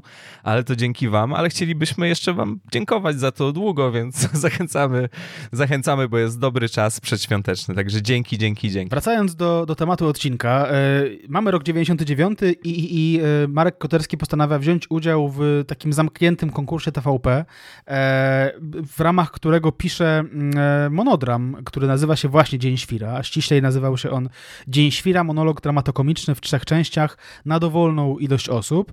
E, całość jest do dostania dość łatwo w bibliotekach na przykład, sobie tam można poszukać i e, jest też taka książka, która, która mm, zbiera kilka jakichś takich tekstów scenicznych Koterskiego, ona się właśnie nazywa Dzień Świra, z której też korzystaliśmy swoją drogą i, i jeśli ktoś jest ciekaw, no to, no to, jest bardzo, to jest bardzo interesujący materiał w sumie, no bo um, wiele z, z, tego Dnia Świra scenicznego weszło, trochę nie weszło e, i, i fajnie można tam sobie porównać, e, czym różni się jedno od drugiego. E, natomiast to, co jest bardzo charakterystyczne dla tego, dla tego dzieła, to jest to, że zostało ono, no właśnie, powiedziałem dzieło no automatycznie, no bo mówimy tutaj o tym, że zostało ono napisane jak 13 zgłoskowcem, co jest w ogóle jakimś takim dla mnie bardzo przyjemnym wariactwem, tak, no bo mówimy mm. tutaj o, o, o rzeczach bardzo niewzniosłych, tak, a, a, a jednak to podcieranie i, i to sypanie sobie płatków do miski, no właśnie, czytamy to w 13 zgłoskowcu. On utrzymał się w w pewnych scenach, chyba nawet w większości scen dialogowych e, jakoś tam w filmie. To nie jest tak, że cały film, bo tak chodzi taka, taka, um, taka opinia o Dniu Świra mm. filmowym, że on jest cały w 13 zgłoskowcu, no nie jest cały, e, jest w dużych fragmentach. No i tutaj może zacytujemy fragment tej oryginalnej sztuki Dzień Świra. Wsypuje do miseczki garstkę płatków zwykłych, garstkę płatków miodowych i garść owocowych, garść kiełków i garść otrąb, garść włoskich orzechów. Rzecz jasna tych łuskanych, garstka Kleopatry, co wszystko wszystko razem czyni 7 garstek, garści. Dzisiaj właśnie mi się kończą e, płatki z kukurydzy, więc wsypuję ich resztkę, licząc za pół garści. No i to się nie rymuje, więc tego się nie czuje, tak, tych, tych, tych 13 sylab tak, tak, tak, tak dobrze, jak powinno się czuć. E, no ale, ale jeśli ktoś sobie policzy to, co przed chwilą przeczytałem, to faktycznie tam każdy wers to jest 13-zgłoskowiec. E, tak, a skąd to się wzięło? No wzięło się to stąd, jak tłumaczył Koterski w kinie w wywiadzie udzielonym Magdzie Sandeckiej w grudniu 2002 roku. A panu tę, tą, to celowo tak zrobiła, prawda? Szczerość udało się zamknąć w wyrafinowanej formie. Po co Adasiowi Miałczyńskiemu 13-zgłoskowiec? I odpowiada Koterski, to się zaczęło w życiu wewnętrznym. Drugim reżyserem był Zbyszek Gruz, fantastyczny współtwórca i współpracownik. Po lekturze scenariusza powiedział, wiesz, to jest właściwie o Achillesie w dwudziestopiętrowym bloku. Jaką szansę na heroizm ma Achilles w takim bloku? No właśnie, wyobraziłem sobie, że kiedy na 15 piętrze zdejmuje kurtkę, to może się zdarzyć, że 14 facetów pode mną zdejmuje kurtki i w tym samym miejscu wiesza je na wieszakach. Ale czy ci faceci nie mają prawa do heroizmu i czy nie przeżywają tragedii? Przeżywają. Przecież rozwiązanie problemu dysfunkcyjnego małżeństwa to czysty tragizm. Zostać źle, odejść źle. I teraz, co było metrum naszego dramatu romantycznego, heroicznego? Trzynastozgłoskowiec, wadzenie się z Bogiem, monolog Kordiana na szczycie Mont Blanc. Mój Miałczyński nie ma szansy na Mont Blanc, ale może wpaść w furię, kiedy w metafizyczny sposób ginie mu skarpetka po praniu. Więc postanowiłem nieszczęście, pogubienie i nieradzenie sobie z uczuciami faceta z bloku zderzyć z metrum, które się kojarzy z polskim dramatem romantycznym. Scena rozwalania pralki i szukania skarpetki jest napisana 13 zgłoskowcem. No a potem zaczęło się go pojawiać coraz więcej, także w formie zrytmizowanej prozy. Ukryty rytm ma ogromną siłę nośną. No i tak jak wspomnieliśmy, no tutaj mm, są fragmenty i są jakieś odniesienia do tego już wspomnianego e, monodramu Nienawidzę z 92 roku. Sam Koterski uważa, że to jest jakaś taka po prostu tutaj macierz, jeżeli chodzi o jego filmy, że wyjmował sobie z tego Nienawidzę rozmaite rzeczy. Tam też zgadza się zawód tego głównego bohatera, który też jest e, nauczycielem. E, tam się pojawia ta modlitwa Polaka słynna, która się pojawia już no, powiedzmy w późnej części Dnia Świra, tak? litanie takie balkonowe. Ta ojszczana klapa y, w PKP, to wszystko są rzeczy wyjęte stamtąd, więc to tak, znowu to jest przykład tego, że, że Koterski tak sobie zbiera, że to jest jakiś po prostu jego rezerwuar motywów, jakichś fragmentów tekstów. Możemy tutaj zacytować fragment y, rzeczy z Nienawidzę, które nie weszły, a może szkoda, dałoby się to na pewno zagrać, gdyby aktorka czuła ten język, a, a na pewno kilka takich aktorek Koterski znalazł i, i one są widoczne w tych filmach, to byłoby naprawdę, naprawdę nieźle. Jest taka sytuacja, że mamy głównego bohatera, jego, jego byłą żonę i woźną, co się dzieje w szkole. Co ich tak mało dzisiaj? Dużo chorują, wyjaśnia żona. Była. No to dobrze, może powyzdychają woźna na to. Będzie mniej tych diablisków, bo przecież do nich mówisz to jakby w kij pierdział. Woźna w podstawowej szkole. Osoba mająca na co dzień do czynienia z dziećmi. W kij pierdział. A do mnie tak powiedziała o drugim nauczycielu. Panie, ten biolog to w ogóle autorytetu nie ma do tych dzieci. One se skakają, niedługo to mu chuj w dupę wsadzą. Więc tak, no wyobrażamy sobie kilka uznanych polskich aktorek, które by to dowiozły totalnie. Nie? Stanisława Celińska, no. Stanisława Celińska, tak. No w Dniu Świra się pojawia w krótkiej scenie Zofia Medle. Ja nie wiem, czy to dla, dla pani Zofii nie byłoby zbyt, zbyt mocne, zbyt wulgarne, ale, ale może by to przeszło, na pewno, na pewno by to dowiozła. Albo może młoda woźna, na przykład Magdalena Cielecka na przykład, nie? Tak, tak zupełnie to, poza, to, poza wizerunkiem to obsadzić. By był, tak, to by, był, e, to by był ciekawy motyw. No tak, zresztą Andrzej Chyra się w tym uniwersum za chwilę pojawi, więc to mhm. byłoby blisko, jeśli chodzi o kontakt i, i e, namiary. No tak, no i jak to właśnie jest, jeżeli chodzi o tę pieczołowitość e, Koterskiego, która może czasami wkurzać, no ale jednak raczej budzi zazwyczaj podziw. No o tym mówił Misiek Koterski już e, we wspominanym parę razy w wywiadzie Rzece. Pojechaliśmy we dwóch po raz kolejny do Zakopanego, to jest a propos Dnia Świra. I ojciec dał mi do przeczytania pierwszą wersję scenariusza, o wiele dłuższą niż ostateczna. Czytając płakałem ze śmiechu. Do dziś nie mogę przeboleć wspaniałych scen, które nie weszły do filmu. W środowisku wszyscy wiedzą, że ojciec najpierw pisze tysiąc stron, potem je redukuje do 800, 600, 200, aż na końcu zostaje 100 stron czystej kwintesencji. Jacek Bromski zaproponował mu kiedyś: Marek, daj mi te wszystkie sceny, które wyrzucasz ze swoich scenariuszy, to zrobię z tego osobny film. Tato odpowiedział: Dobra, ale ja tego nie podpiszę. Żeby podpisać, musiałbym siedzieć nad tymi stronami kolejne dwa lata. No i tak, no, no i to jest właśnie, pełni, właśnie taka, tak, taka metoda twórcza. Oczywiście, no zdarzają się, jak popatrzymy choćby, nie wiem, na Filmwebie, na jego pełne metraże, zdarzają się jakieś takie momenty, że ten odstęp jest nieduży, ale i zdarzają się momenty, że ten odstęp jest naprawdę, naprawdę spory, tym bardziej, jeżeli jesteś, no, reżyserem, który od pewnego momentu staje się wzięty i ceniony, nie? To też pokazuje, ile tutaj jest jakiejś takiej po prostu męki, jakiejś takiej, wiesz, żmudnej roboty precyzyjnej, że nie, nie, to, to jeszcze nie jest ten moment. Tak, no tym bardziej, że się angażuje jeszcze w teatr, tutaj bierze udział w konkursach, to nie jest tak, że film to jest całe jego życie. W zasadzie wydaje mi się, że na tym etapie, czy też na etapie nawet y, kręcenia Dnia Świra, na pewno już lat po premierze Dnia Świra, on by sobie absolutnie poradził bez kina, tak? I mógłby mhm. robić swoje rzeczy, wydawać książki i tak dalej. Natomiast sztuka Dzień Świra, co jest bardzo istotne, zaczyna się od dwóch mott. Y, pierwsze ze Sławomira Mrożka, drugie e, z Tomasza Mana. E, mniejsze to drugie, bo istotniejsze jest to pierwsze. E, to jest fragment małych listów Sławomira Mrożka. Najtrudniej jest przeżyć następne 5 minut. Życie to jest następne 5 minut. Najczęściej trzeba coś przełożyć z miejsca na miejsce, a potem z powrotem na to samo miejsce wstać, usiąść, pójść, zareagować. Jednak nie ma innego życia, jak tylko na najbliższe 5 minut, reszta to wyobraźnia. No i w takim materiale z zakulis opublikowanym w filmie z roku 2002, ze stycznia roku 2002, Koterski rozwija tego mrożka i mówi tak. E, te najbliższe 5 minut jest dla mojego bohatera nie do zniesienia. Film opowiada o człowieku, z którym jest wszystko w porządku, jeśli chodzi o sferę tak zwanych uczuć wyższych, takich jak patriotyzm, miłość do syna, etos zawodowy. Natomiast na co dzień ten człowiek zachowuje się jak agresywny gnój. E, chwila bieżąca, powtarzalność czynności, kontakty z anonimowymi ludźmi na co dzień budzą u bohatera skrajny dyskomfort i agresję. W tym projekcie zbliżyłem się do granic e, wolności twórczej. No i e, w kinie z tego samego roku, ale już z grudnia, w, w tym wywiadzie, o którym wspomniałeś, przeprowadzonym przez Magdę Sendecką, Koterski powtarza właściwie tę myśl, ale e, tutaj w zasadzie mówi tutaj w formie autodiagnozy jakiejś takiej dziwnej. Mianowicie mówi tak. Zauważyłem, że jest we mnie bardzo dużo złości, prawidłowo kombinuję w takich uczuciach jak patriotyzm. Jestem wyznawcą wysokiego etosu pracy, poświęcony e, zawodowi. Kocham syna bezgranicznie. Co prawda ponoszę porażki w związkach z kobietami, ale w większości uczuć wyższych funkcjonuje prawidłowo. Nie jestem jednostką aspołeczną, przeciwnie, czuję się bardzo w to wszystko zaangażowany. Więc skoro jest tak dobrze, dlaczego jest tak źle? Dlaczego we mnie jest tyle wściekłości na co dzień? Dlaczego wszystko mnie wkurwia? Staruszka przede mną zamiast płacić wysypuje drobne nalady i każe ekspedientce wybrać i ja już bym tę staruszkę dusił. E, jest we mnie masa nieadekwatnej złości i postanawiam zwierzyć się z tego innym. E, słuchaj, jest we mnie tyle złości, widzę tylko czarną stronę, tę połowę wody wylanej ze szklanki, tą, tę, a nie tę, którą zostawiła.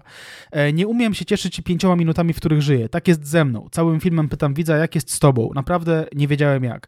No i właśnie, można tutaj, ktoś mógłby przyjść i powiedzieć, że ten odcinek to jest jedno wielkie takie psychologizowanie, prawda, do, do, do dobieranie sobie e, pewnych cech e, twórcy do, do, do, e, do stworzonego dzieła, ale tutaj właściwie nie da się inaczej, jeśli byśmy mieli, znaczy zrobić taką klasyczną strukturę, że najpierw mówimy o biografii, a później o Dniu Świra, no to by było bez sensu, bo byśmy się po prostu musieli powtarzać. No Dzień Świra to faktycznie jest e, zapis e, pewnego momentu e, z życia e, Marka Koterskiego, o czym Marek Koterski, no mówi zupełnie wprost, nie? Tak, no tutaj ten klucz biograficzny to nie jest jakieś takie, wiesz, naginanie czy tam dorabianie piździołuszu słynne, tylko tak, tutaj zdecydowanie tak to, tak to musimy czytać. No dobrze, no to co? No to chwilka wstępu, no to możemy teraz przejść do Dnia Świra.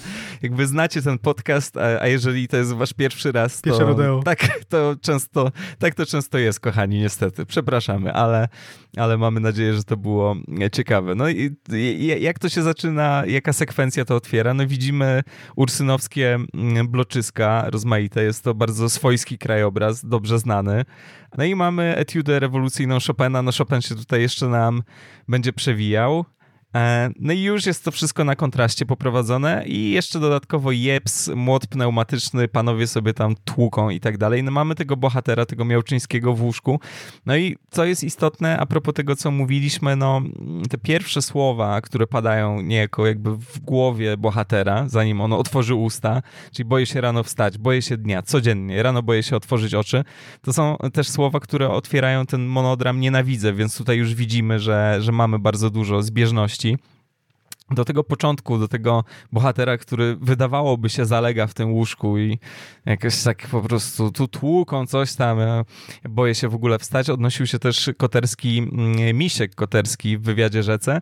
Mianowicie, jako dziecko nie miałem pojęcia, co znaczy to słowo reżyser. Prawdę mówiąc, reżyser kojarzył mi się z leniem.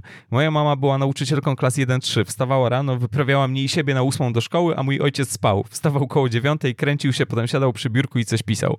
W dzieciństwie wydawało mi się, że mój ojciec jest obibokiem i nic nie robi. Kiedy mnie w szkole pytali, kim jest tata, mówiłem, że lekarzem albo adwokatem. Dzieci krzyczały, kłamie, kłamie, jego tato jest reżyserem, a ja zapadałem się pod ziemię.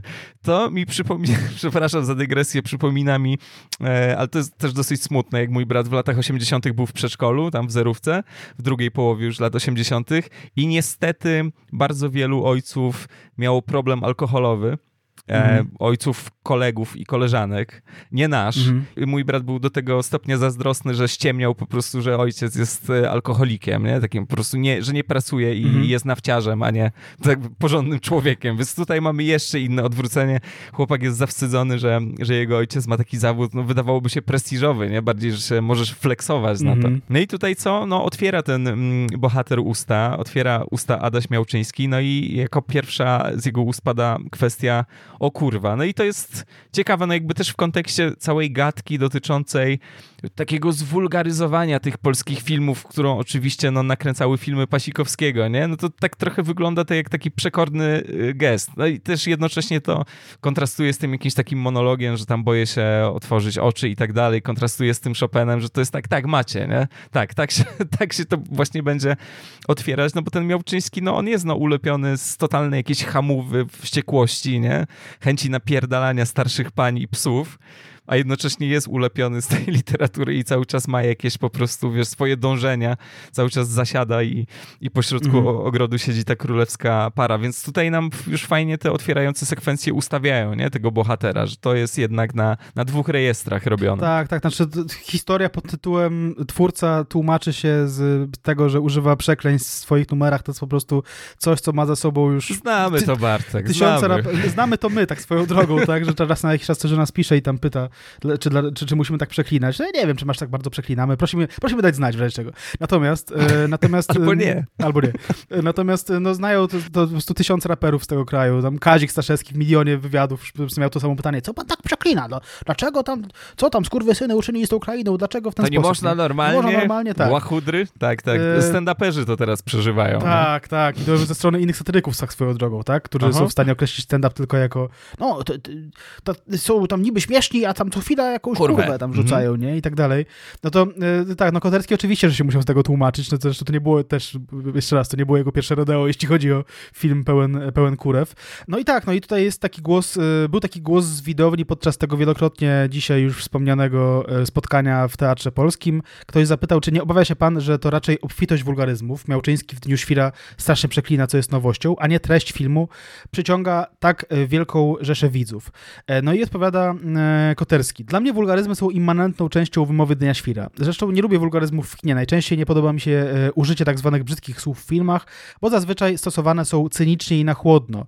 Takie tam sobie kurwa, chuj, dupa. U mnie wulgaryzmy są przede wszystkim wyrazem bezradności bohatera wobec własnych emocji.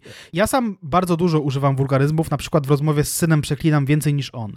Lubię je także ze względu na ekspresję. Wydaje mi się, że w tak zwanym cywilnym słowniku nie ma dla nich równoważników. Słuch mi mówi, że to jest immanentna część naszego języka i to nie języka ulicy.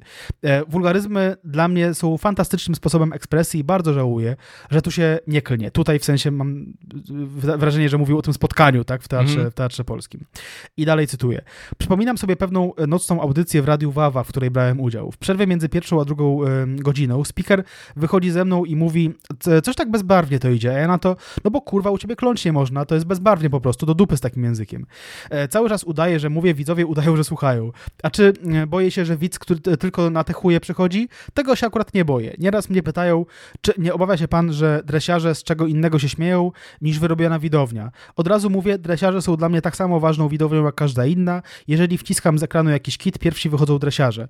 Koniec cytatu. No tak, to jest w ogóle te, te, te ostatnie zdania, mam wrażenie, że u, u, wielu reżyserów to byłoby jednak jakieś tam, wiesz, takie takie silenie się na, na, na, na, na jakąś taką oryginalność, powiedzmy, w podejściu do widza, ale w przypadku Kuterskiego wydaje mi się, że on nie kłamie, no tym bardziej, że nawet w materiałach takich z zakulis Dnia Świra, on już tam nawet um, mówił, że, że, że on absolutnie kręci filmy dla, dla masowego widza, a jeśli przy okazji przyjdzie tutaj tam ktoś i znajdzie coś dla siebie, ktoś, kto, kto ma jakieś wyższe wymagania, powiedzmy takie intelektualne, no to, no to on się z tego bardzo cieszy, ale generalnie to jest tak, że, że on nie lubi pustych sal, tak? No i, i Dzień Świra widać, że jest, że, że jest tworzony w ten sposób. Nawet czasami Dzień Świra, do czego jeszcze dojdziemy, zbliża się do, do, do wręcz, takiej, takiej, do takich momentów, w których no właśnie taki, taki przeciętny widz powie, o tak, dokładnie tak jest, nie?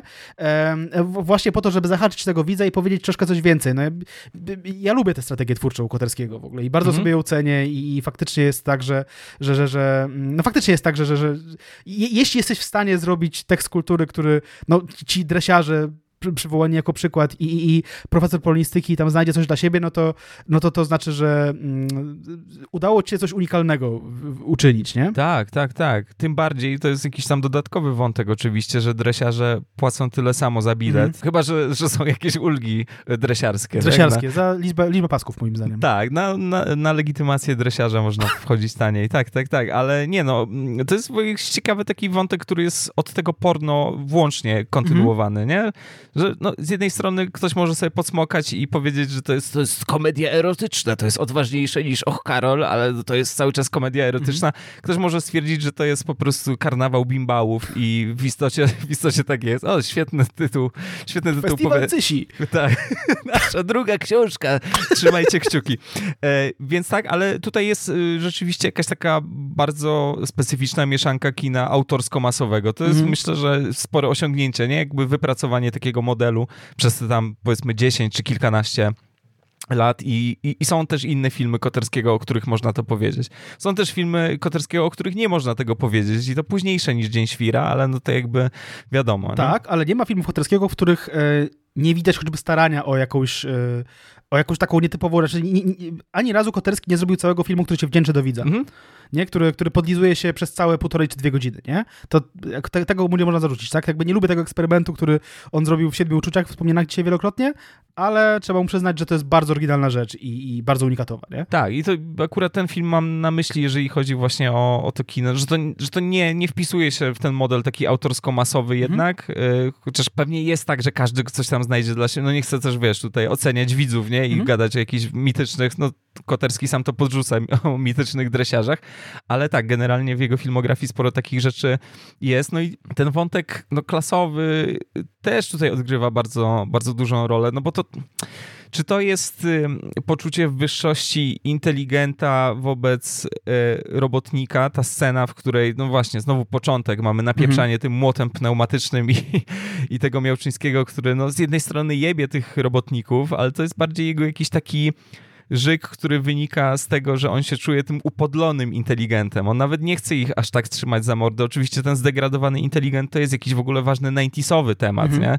Wiadomo, że tutaj Dzień Świra to jest wczesne zerowe, ale hej, to to niczego nie zmienia, ale to bardziej właśnie wynika z tego, że mu tak jakby wszystko mu w tę mordę pluje, nie? I on mm. musi się niejako tłumaczyć przed tymi robotnikami, że czy wy myślicie, że jak ja nie wstaję tam o piątej rano, to znaczy, że, że ja się opieprzam, nie? I mhm. tutaj właśnie myślę, że dużo jest jakichś takich starych frustracji Koterskiego, od których na pewno już w tamtym czasie się odbijał, też ze względu na jakiś tam swój status w środowisku, nie? I, i status finansowy, a na pewno się odbije po, po Dniu Świra, ale tak, ale ten wątek klasowy jest tutaj bardzo, bardzo fajnie ujęty i to jest rozgrywane na, na różnych poziomach, też jakoś tak autoironicznie, nie? czyli ta gazeta wyborcza jako taki po prostu niezbędnik polskiego inteligenta po mm. 89, która jest tutaj sprowadzona i do roli lektury, bo on tam wyrzuca dodatki w pewnym momencie, bo on chce przeczytać właściwe GW, mhm. bo zawsze warto.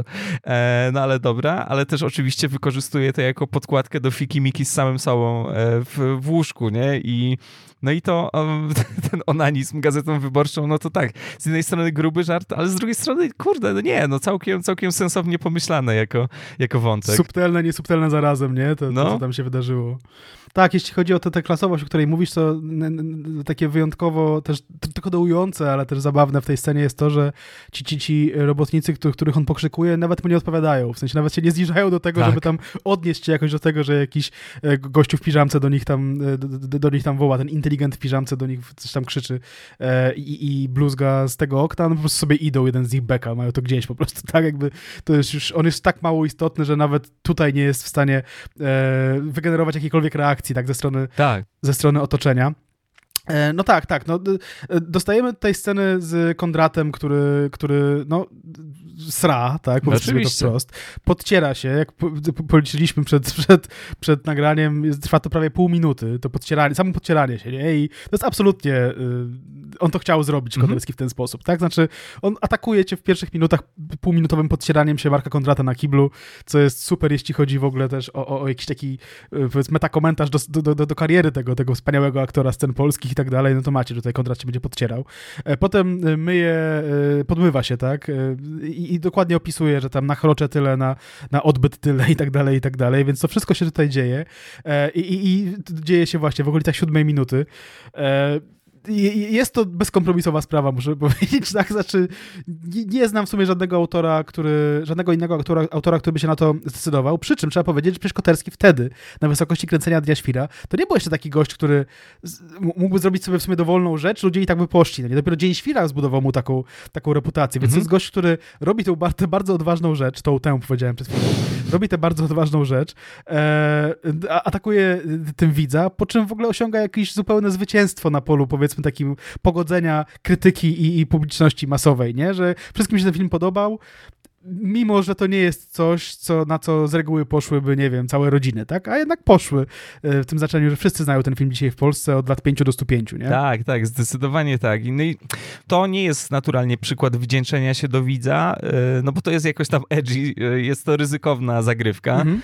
Marek, wielki polski aktor, myje dupę. To jest świetny nagłówek przy okazji i w ogóle rzecz, którą trzeba doradzić każdemu. Natomiast jest jakiś taki moment, albo bywają takie momenty w tym filmie. My o tym rozmawialiśmy przed nagraniem, więc też tak nie będziemy udawać, że to takie pierwsze zetknięcie się z tymi opiniami, ale są jakieś takie momenty, które nieco tym wdzięczeniem albo jakimś populizmem pachną i to już jest kwestia oczywiście, jaką linię interpretacji przyjmiemy. To też są początkowe sekwencje w tym filmie, mianowicie Miałczyński ogląda telewizję i pojawia się debata w dużym cudzysłowie polityczna, ale ubrana w taki wątek stadionowy, kibicowski. No, mamy jakąś taką frakcję, powiedzmy, biało-czerwoną, czerwoną i czarną, oczywiście kościelną, no w każdym razie oni wszyscy w siebie napieprzają i tak, tak, tak, mają swoje, mm, swoje fandomy i, i to wszystko jest bardzo mało merytoryczne, tak, i tam padają te słowa z tą racją, że moja racja jest mojsza niż twoja, jakby znamy to wszystko doskonale. I potem jest rozdzieranie polskiej flagi, tak, e, warszawska starówka, krew spod tej flagi. I okej. Okay. No i to naturalnie jest jakiś taki sygnał, tak się wydaje początkowo przynajmniej, że a, to ta klasa, to gówno po prostu, mhm. kogo byśmy nie wybrali i tak dalej, i tak dalej. To jest jakby w momencie premiery SLD jest u władzy. E, w trakcie powstawania tego filmu, no jeszcze AWS mógł kończyć swoją kadencję czteroletnią, no 97-2001, nie? A 2001 SLD do 2005 roku. No i to jest takie wszystko osadzone na takich bardzo prostych chwytach. To znaczy, wiesz co, ja pomyślałem o jakichś takich spektaklach, które były robione przez młodzież w, u mnie w rodzinnych stronach, mm. w ośrodku kultury. Sam brałem w tym udział, albo sami je pisaliśmy, nie? Że to są bardzo, bardzo łopatologiczne jednak metafory mm. i mhm można to naturalnie czytać, tak, i też, też się nad tym zastanawialiśmy, że to Miałczyński ma taką bardzo po prostu binarną wizję tego świata politycznego, bo on już po prostu jest tym wymęczony, on dostał po dupie po tej transformacji i on już nie chce jakby szukać tutaj w tym wszystkim subtelności. Mhm. Z drugiej strony, jak przeskipujemy troszkę do przodu i jest manifestacja uliczna, tam ludzie mają transparenty, tak, nie, tak i nie, bla, bla, i tutaj się pojawia cameo Pazury i takie wink-wink związane mm. z poprzednimi filmami Koterskiego, no to ten Miałczyński jednak mówi, ale to, że właśnie dobrze, że idą, że tam nieważne, że głupie hasła, teraz parafrazuję mm. bardziej, nieważne, że głupie hasła, no jakby po to jest demokracja, żeby nawet kilka osób sobie mogło wyjść z głupim hasłem i jakby pomanifestować, tak? I potem prawie się napierdala e, z Pazurą, nie? Więc jakby ta, ta jego wizja, ona nie jest jakaś taka po prostu, wiesz, odsączona z jakiejkolwiek nadziei, że to jest takie już po prostu gówno, rynsztok i tak dalej, i tak dalej. I te momenty i też lecąc w kierunku końcówki, ta modlitwa Polaka, to dla mnie to są najmniej ulubione momenty, mhm. jeśli chodzi o Dzień Świra. Ja ich nie potrzebuję i moim zdaniem, ale to jest znowu tylko moje zdanie, a ta widownia jest szeroka, jak już tutaj podkreśliliśmy.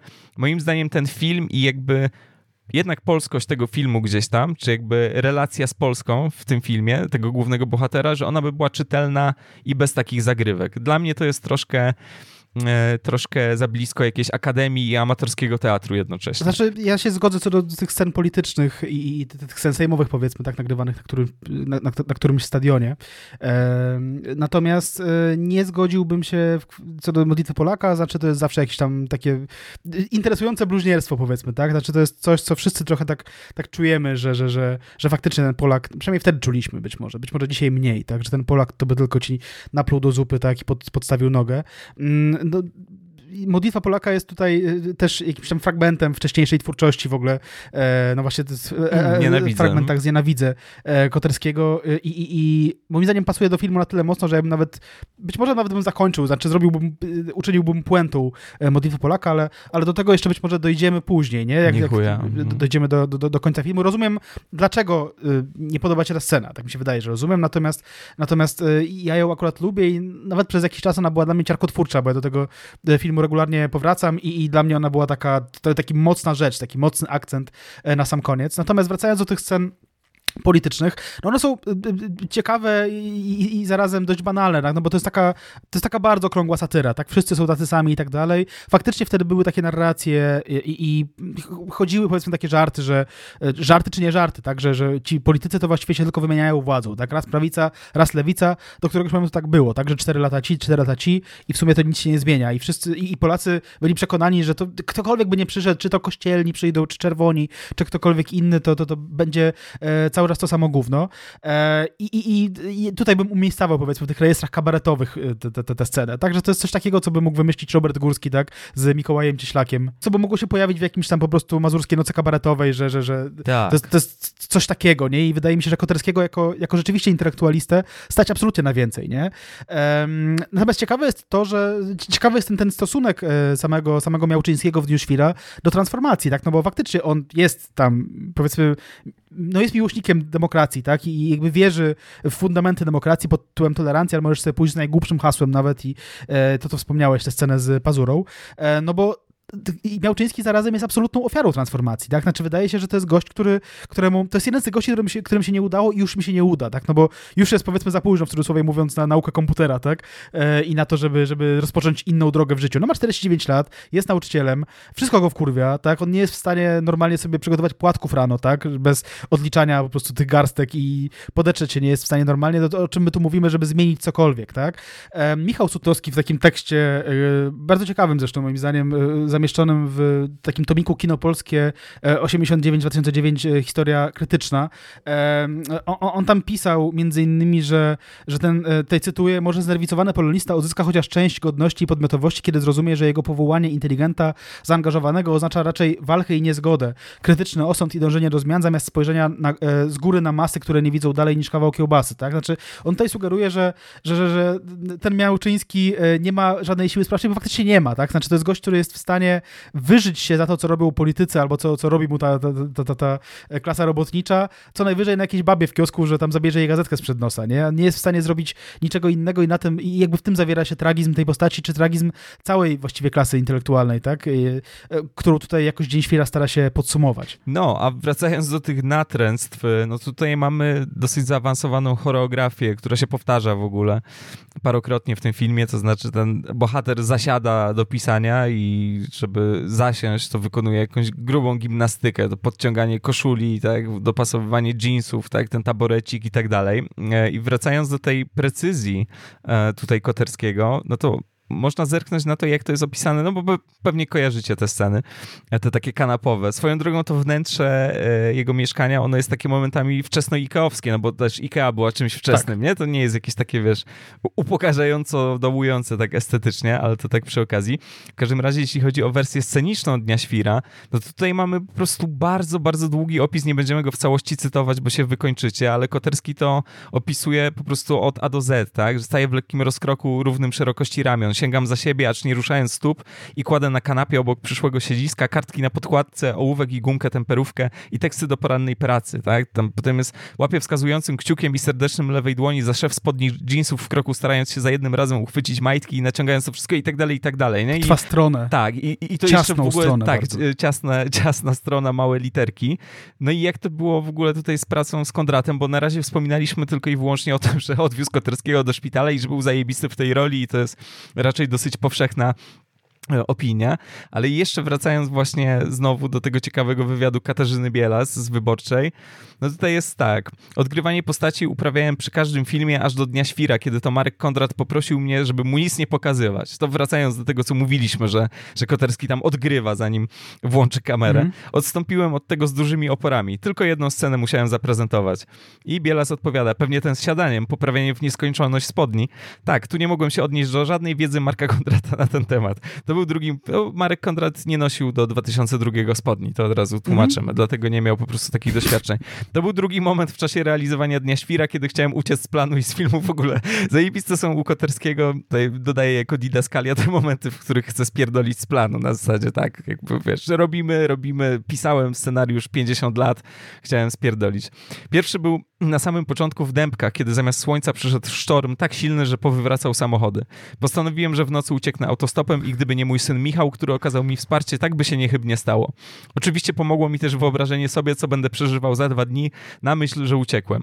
Dlaczego chciał pan uciekać przy tym siadaniu? Pyta Bielas. Zacząłem pokazywać, jak poprawiam spodnie, żeby mnie nie piło w kroku, żeby było pod udami gładko, jak odstawiam cały ten ceremoniał ekwilibrystyki spodniowo-siadaniowo-kroczowej, który dziś wiem już czemu służył, bo już tak nie siadam. I nagle podniosłem oczy. Zobaczyłem ekipę, 50 osób patrzących na mnie w absolutnej ciszy. Oni po prostu oniemieli. Oni czegoś takiego w życiu nie widzieli. Pomyślałem wtedy, Maruś, uciekaj, dlaczego ty się tak torturujesz? To jest w ogóle tytuł tego wywiadu, tak? tak? Te, te słowa. Przecież nikt ci nie każe. Potem w absolutnej ciszy, bez jednej uwagi, zamieniłem się z Markiem Kondratem miejscami i on to po prostu zaczął grać. I nakręciliśmy. Jak odnosił się do tego Kondrat w Teatrze Polskim podczas tego spotkania prowadzonego przez Jacka Kopcińskiego? No mówił o tym tak. Praca z Markiem jest jak chodzenie po polu minowym. Marek próbuje, co jest rzadkie wśród reżyserów filmowych, wszystko nam pokazuje, ale mimo to nie jesteśmy w stanie do końca wyobrazić sobie sytuacji, która nadchodzi. Miałczyńskiego nie można tak sobie po prostu zagrać, jak to bywa w innych filmach. Włożyć kostium, przejść, zrobić pasaż, przeprowadzić dialog, nie ma takiej możliwości. Tak jak nie ma możliwości powrotu do domu z planu, w sensie niedosłownym, nie ma możliwości zrzucenia tych szat, przebrania się we własne pantofle i zaśnięcia kimś innym. Nie. To trwa, to trwa długo. Zresztą w moim przypadku to trwa prawie 20 lat, mimo rozłąki między domem wariatów a świrem. Wiadomo, że Marek Kondrat no, już kilka dobrych lat później zrezygnuje z aktorstwa, bo stwierdzi, mhm. że, że nie jest mu to niezbędne do życia, że woli chyba przyjemniej czas spędzać, tak zakładam, ale no, też zakładam, że, że ta praca z Koterskim miała tutaj swój udział, nie? że tam po prostu doszło do mocnego, mocnego wymęczenia, chociaż wiadomo, laury i jakby wielka rola, wybitna kreacja, etc., ale to pokazuje, jak się z Markiem Koterskim czasem e, pracuje. Tutaj taka mała dygresja, niezwiązana z Dniem Świra, jest taki film Wyspa doktora Moreau, bardzo nieudany, Richarda Stanleya, znaczy właściwie nie dokończył Richard Stanley, i jest dokument o powstawaniu tego filmu, który się nazywa Lost Soul, The Doomed Journey of Richard Stanley's Island of Dr. Moreau i to jest film, ten dokumentalny film, on jest o tym, co się dzieje, kiedy wyrzucasz e, reżysera w trakcie zdjęć, a on po prostu e, ucieka w dżunglę, bo ten film nagrywali w dżungli, nie? On po prostu uciekł do dżungli, potem go tam ekipa znalazła w tej dżungli, na jakimś chłamaczku sobie, chamaczku sobie leżał, tak, odpoczywał i był kompletnie załamany.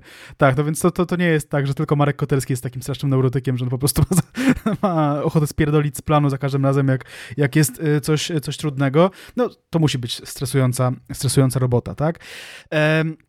Natomiast ym, to nie jest tak, że tylko Konrad opowiadał o tym, że ta praca z, z, mhm. z, Koterskim jest, y, jest bardzo wymagająca. No nie tylko on. Y, jest taka książka, która nazywa się Pierwsze życie Marka Kondrata e, i, i w tejże książce Andrzej Grabowski e, e, opowiadał, że w którymś momencie, to ściślej podczas kręcenia tej sceny e, nad morzem, tak, e, gdzie tam wołają do siebie i nie słyszą siebie z powodu szumu fal, zauważył, że Konrad trochę osiwiał. Cytuję Zobaczyłem wtedy Marka, który był u kresu wytrzymałości, prawie płakał. Powtarzał, że już nie daje rady z tym Koterskim, już nie może spełniać jego wymagań. Dostrzegłem, że na planie Dnia Świra autentycznie zauważalnie posiwiał. E, i, i, Michał Koterski, e, Misiek, e, do, dopowiada w, w, w, wywiadzie Rzece. E, mój ojciec kocha aktorów i szanuje. Tego szacunku nabrał, kiedy na początku lat 90. Boguś Linda e, zaproponował mu małą rulkę w swoim debiutanckim filmie Seszele. Wtedy zrozumiał, jak strasznie eksploatujący jest to zawód. Aktorzy muszą nieustannie obnażać się przed innymi i majstrować w swoich emocjach. Często robił awantury dyżurnym planu, bo u niego aktor pomiędzy scenami nie może stać, tylko musi siedzieć, żeby nie wstrzykać się z energii. Pilnował osobiście, żeby aktorzy odpoczywali, nigdzie nie łazili i nie gadali. Uwielbia skupienie i powagę. Na planie nieraz wkurwiał się na Marka Kondrata i żalił się do mnie, już mi tu kurwa od rana kawał opowiada i rozmontowuje całą ekipę. Nienawidził kawałów, kabaretów, sprocznych dowcipów i nienawidzi do dziś. Uważał, że są poniżej godności, ekipa uwielbiała jednak Kondrata, więc niezrażony robił swoje. No i jak widać, tak zakulisowo jest to film stworzony e, tak powiedzmy z dwóch różnych zupełnie osobowości, tak? Z figlarnego powiedzmy Marka Kondrata i, i z poważnego i, i mocno sfrustrowanego jednak i, e, i zestresowanego po prostu tą pracą e, Marka Koterskiego, no wyszło to znakomicie, tak? Znaczy to, to jest tak, że mo, można wiele tutaj mówić o bezkompromisowości Koterskiego, ale być może gdyby nie powkurwiał się trochę na Kondrata na tym planie, który opowiadał dowcipy, to, to pewnie to być, być może wyszłoby coś z tego, coś mniej napiętego powiedzmy, tak? Coś takiego mniej takiej granicy szaleństwa bo rzeczywiście ten film jest, kurde, dość obłąkany, nie? I nie mówię tutaj tylko o scenach e, podcierania się przez 7 minut. No a przy tym wszystkim to nie jest tak, że do tego filmu nie mają wstępu, wiesz, jakieś rzeczy niskie, nie? Na zasadzie mhm. na jakieś takie slury rasistowskie czy, czy, czy homofobiczne wręcz, no bo, bo, bo i tak tutaj jest grane. Tu, tu chodzi o coś innego, no jakby robota na planie to robota na planie. To, co jest w skrypcie, nie? To ten, ale mhm. generalnie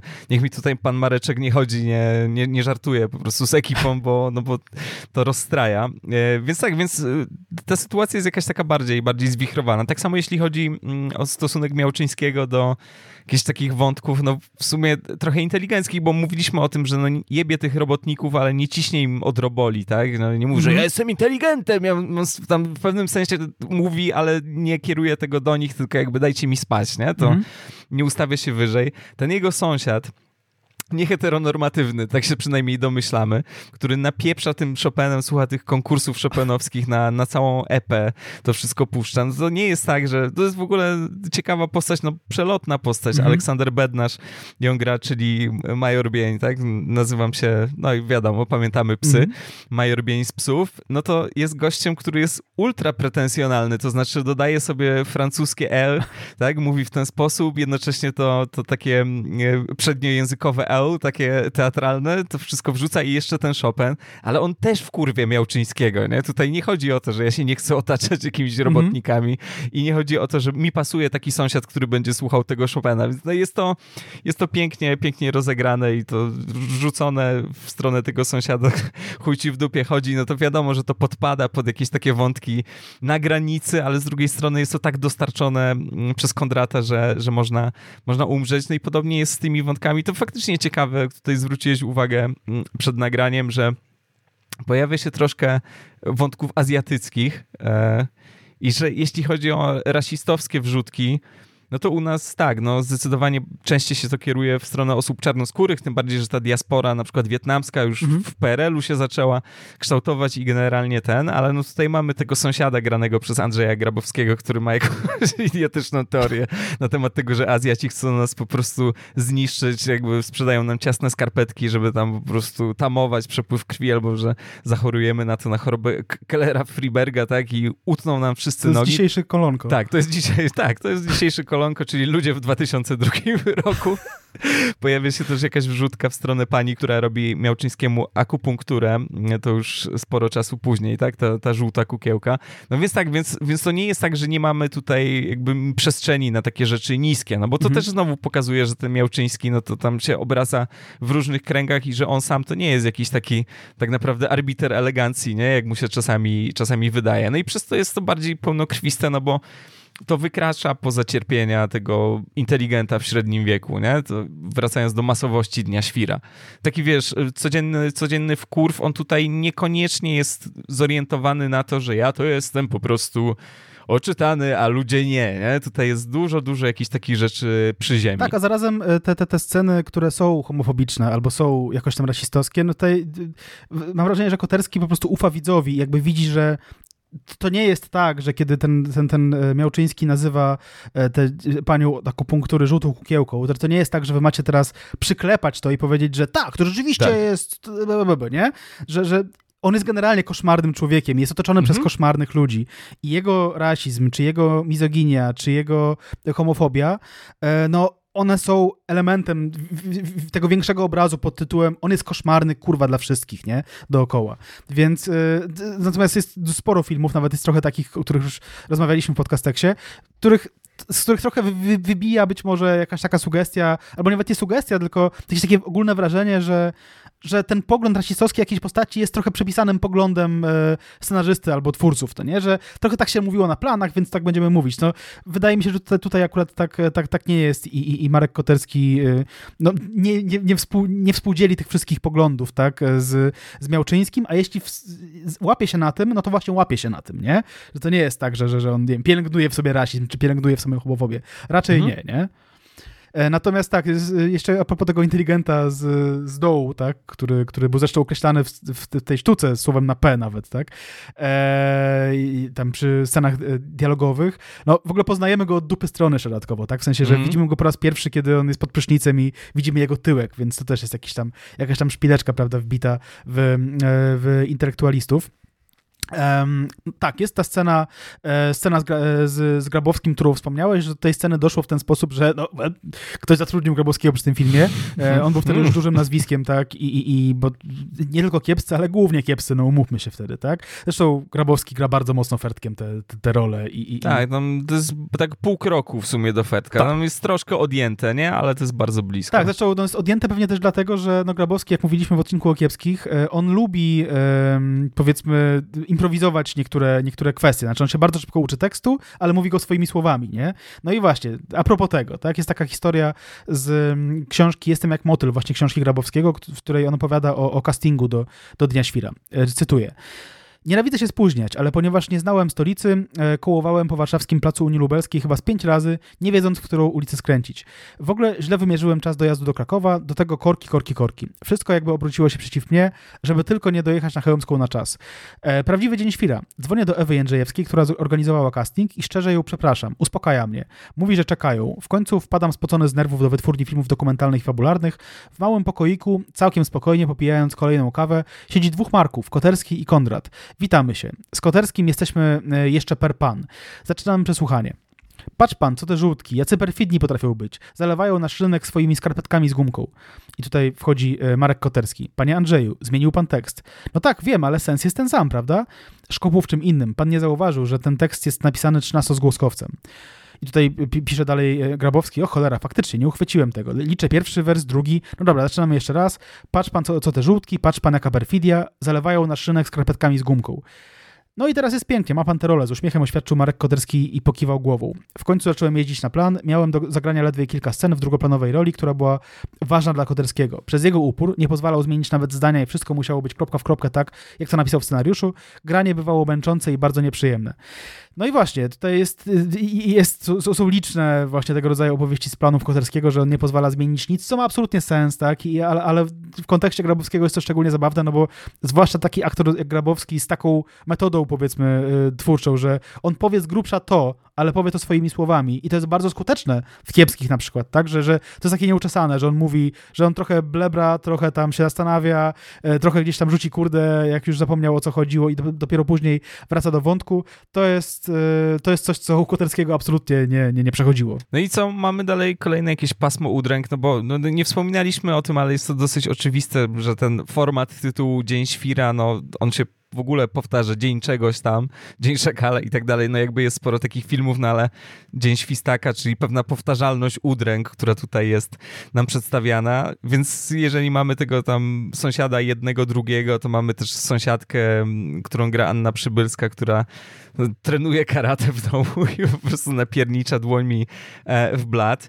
Jest oczywiście nasz y, ulubieniec, taki nasz archanioł Zbigniew Buczkowski, który tym razem, tym razem już nie dopcy baby w bramie, tylko próbuje skosić trawnik bardzo malutką. To ten sam gość jest. Tak, to jest cały czas ten sam gość, tylko no już jakiś taki bardziej, wiesz, no ogarnięty już family man, już bez głupot, biały garnitur i pet w buzi, e, więc tak, więc, więc on też zostaje zagadnięty e, przez Miałczyńskiego. No, tak jak mówiłeś, jest to koszmarna postać, patrząc na to z innej perspektywy, to to trochę wygląda tak, jakby to był ten gość, ten sąsiad, który do wszystkiego się przypierdala, nie? Mhm. On po prostu wychodzi z domu, on chodzi gdzieś tam w okolicach swojego bloku, idzie do sklepu i tak dalej i on do każdego ma, ma jakieś ale. Tutaj Zbigniew Buczkowski mu akurat nie grozi pobiciem, tylko tam sugeruje mu, żeby sobie mózg ogolił, co jest jakieś bezsensowną w ogóle ripostą, mm, ale tak jest.